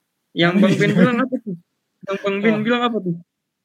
Yang kata kalau misalnya skripsi tuh, kalau bisa kalian tuh coba kreatif oh. dikit jangan apa-apa judul skripsinya perang terus perang gitu itu benar itu ini bisa menjadi bahan kita juga gitu. Dan mungkin untuk teman-teman juga gitu kan. Benar gitu. Tapi kita jangan sama-sama lah uh, judul skripsinya gitu kan. Nanti kita lewat turnitinnya. Aduh. Udah gua tag ya judul gua udah gua tag jangan ambil guys. Nah, jangan dikasih tahu jangan dikasih tahu jangan di spill ya, jangan sudah benar itu dan uh, gara-gara adanya event yang dihelat ini ya, kolaborasi ini, kita juga dapat buku gratis, cuy. Betul? Ya, iya, benar, benar. Ya, Dengan gak, judul gak bisa di Judulnya nah, Keamanan ya. Manusia, Konsepsi, Implementasi dan Perbandingan Negara Lain eh, yang diterbitkan oleh Sentra Inisiatif. Nah, bagi kalian yang penasaran juga atau ingin ngulik lagi tentang keamanan manusia, nah kalian bisa cari nih bukunya namanya Keamanan Manusia yang dikeluarkan oleh Sentra Inisiatif dan Imparsial. Mungkin kayaknya setelah podcast ini di up kayaknya sih udah udah ada di toko Langsung. buku tayangan kawan uh, sobat-sobat peradaban ya. Mungkin mungkin. Tapi kalau itu ya ditunggu aja, ditunggu aja uh, update terus uh, infonya tuh ke Instagramnya Sentra Inisiatif dan Imparsial. Gitu. Gue udah baca dikit-dikit ya dan wah gila. Langsung kayak apa ya? Gue tuh langsung terbuka kayak, oh ini dia nih gitu kayak. Langsung merefleksikan diri nggak? iya. Ah. Sejujurnya gue belum buka ya karena ya gue jadwal gitu. Tapi memang sebenarnya gue pengen buka gitu. Gue gue gue mencari waktu agar gue bisa baca. Mungkin habis ini lah, habis ini gue bisa langsung baca. Iya, gitu. you should, you should. Soalnya soalnya gue kasih gue kasih spill ya dikit. Wah, apa nih? Cara pengemasan bahasanya itu ya, itu sangat mudah dimengerti cuy. Bagi kita, Oh. sumpah. Bahasanya nggak yang tinggi-tinggi banget gitu ya, S3 gitu. Ya, Cuy, makanya gue kayak langsung langsung kayak ah ini dia, nah itu. ah, mantap nih. Ini, ini Penasaran ba- bagus. Bisa banget nih gue. Nggak perlu lagi data gue baca buku satu bulan gak selesai-selesai. Iya, susah-susah nyari jurnal di Google Scholar gitu kan. Ah, ini ada Harus nih. translate dulu Dirangkum semua. Nah, Iya. I see. bagi teman-teman yang mau eh, apa penasaran sama studi keamanan khususnya keamanan manusia bisa dicari tuh bukunya ya. Recommended. Nah, ya kayaknya cukup dulu untuk podcast episode spesial kali ini ya. Terima kasih Iya. teman-teman eh, sobat peradaban yang sudah mendengarkan kami dan mendengarkan eh, seminar kemarin eh, diskusi publik bersama Sentra Inisiatif dan Imparsial kolaborasi bersama Himahi Paramadina, FKM HII Korwil 2 dan Parmax. Semoga kita bisa ketemu lagi di lain waktu dengan bahasan-bahasan yang menarik juga. Pasti terima kasih juga lah. untuk ya lah, terima kasih juga untuk Mas Satrio yang sudah menemani gue pada pod- eh, episode kali ini ya, podcast kali ini. Anytime, Semoga. Iya, asik nih. Yo Mei gitu. Iya. Semoga eh, ke depannya Himahi dan eh, Parmax khususnya Suara Peradaban bisa kerjasama lagi nih, berkolaborasi bareng lagi nih untuk membahas topik-topik yang menarik juga gitu kan. Karena balik lagi dunia internasional itu sangat dinamis teman-teman. Dan mungkin kayak apa yang kita bahas di sekarang ini ya masih tip of the iceberg gitu kan. Masih ya Iya. masih di atas gitu. Masih banyak Iya. hal yang belum kita diskusikan ya Gozali ya. Dan mungkin Benar, juga untuk benar. penerus-penerus kita gitu kan. Jadinya ya just stay tune in eh, apa, podcast peradaban dan Iya. tentunya juga pasti kita akan berusaha untuk mengeluarkan isu-isu lah, isu-isu lagi Iya, kan digoreng terus gitu kan. Iya. Apalagi eh, tahun depan digadang-gadang ada apa namanya krisis ekonomi resesi. Nah, kita bisa digoreng cuy. Benar tuh, aduh gue udah mulai kepikiran. Nah, ya udah.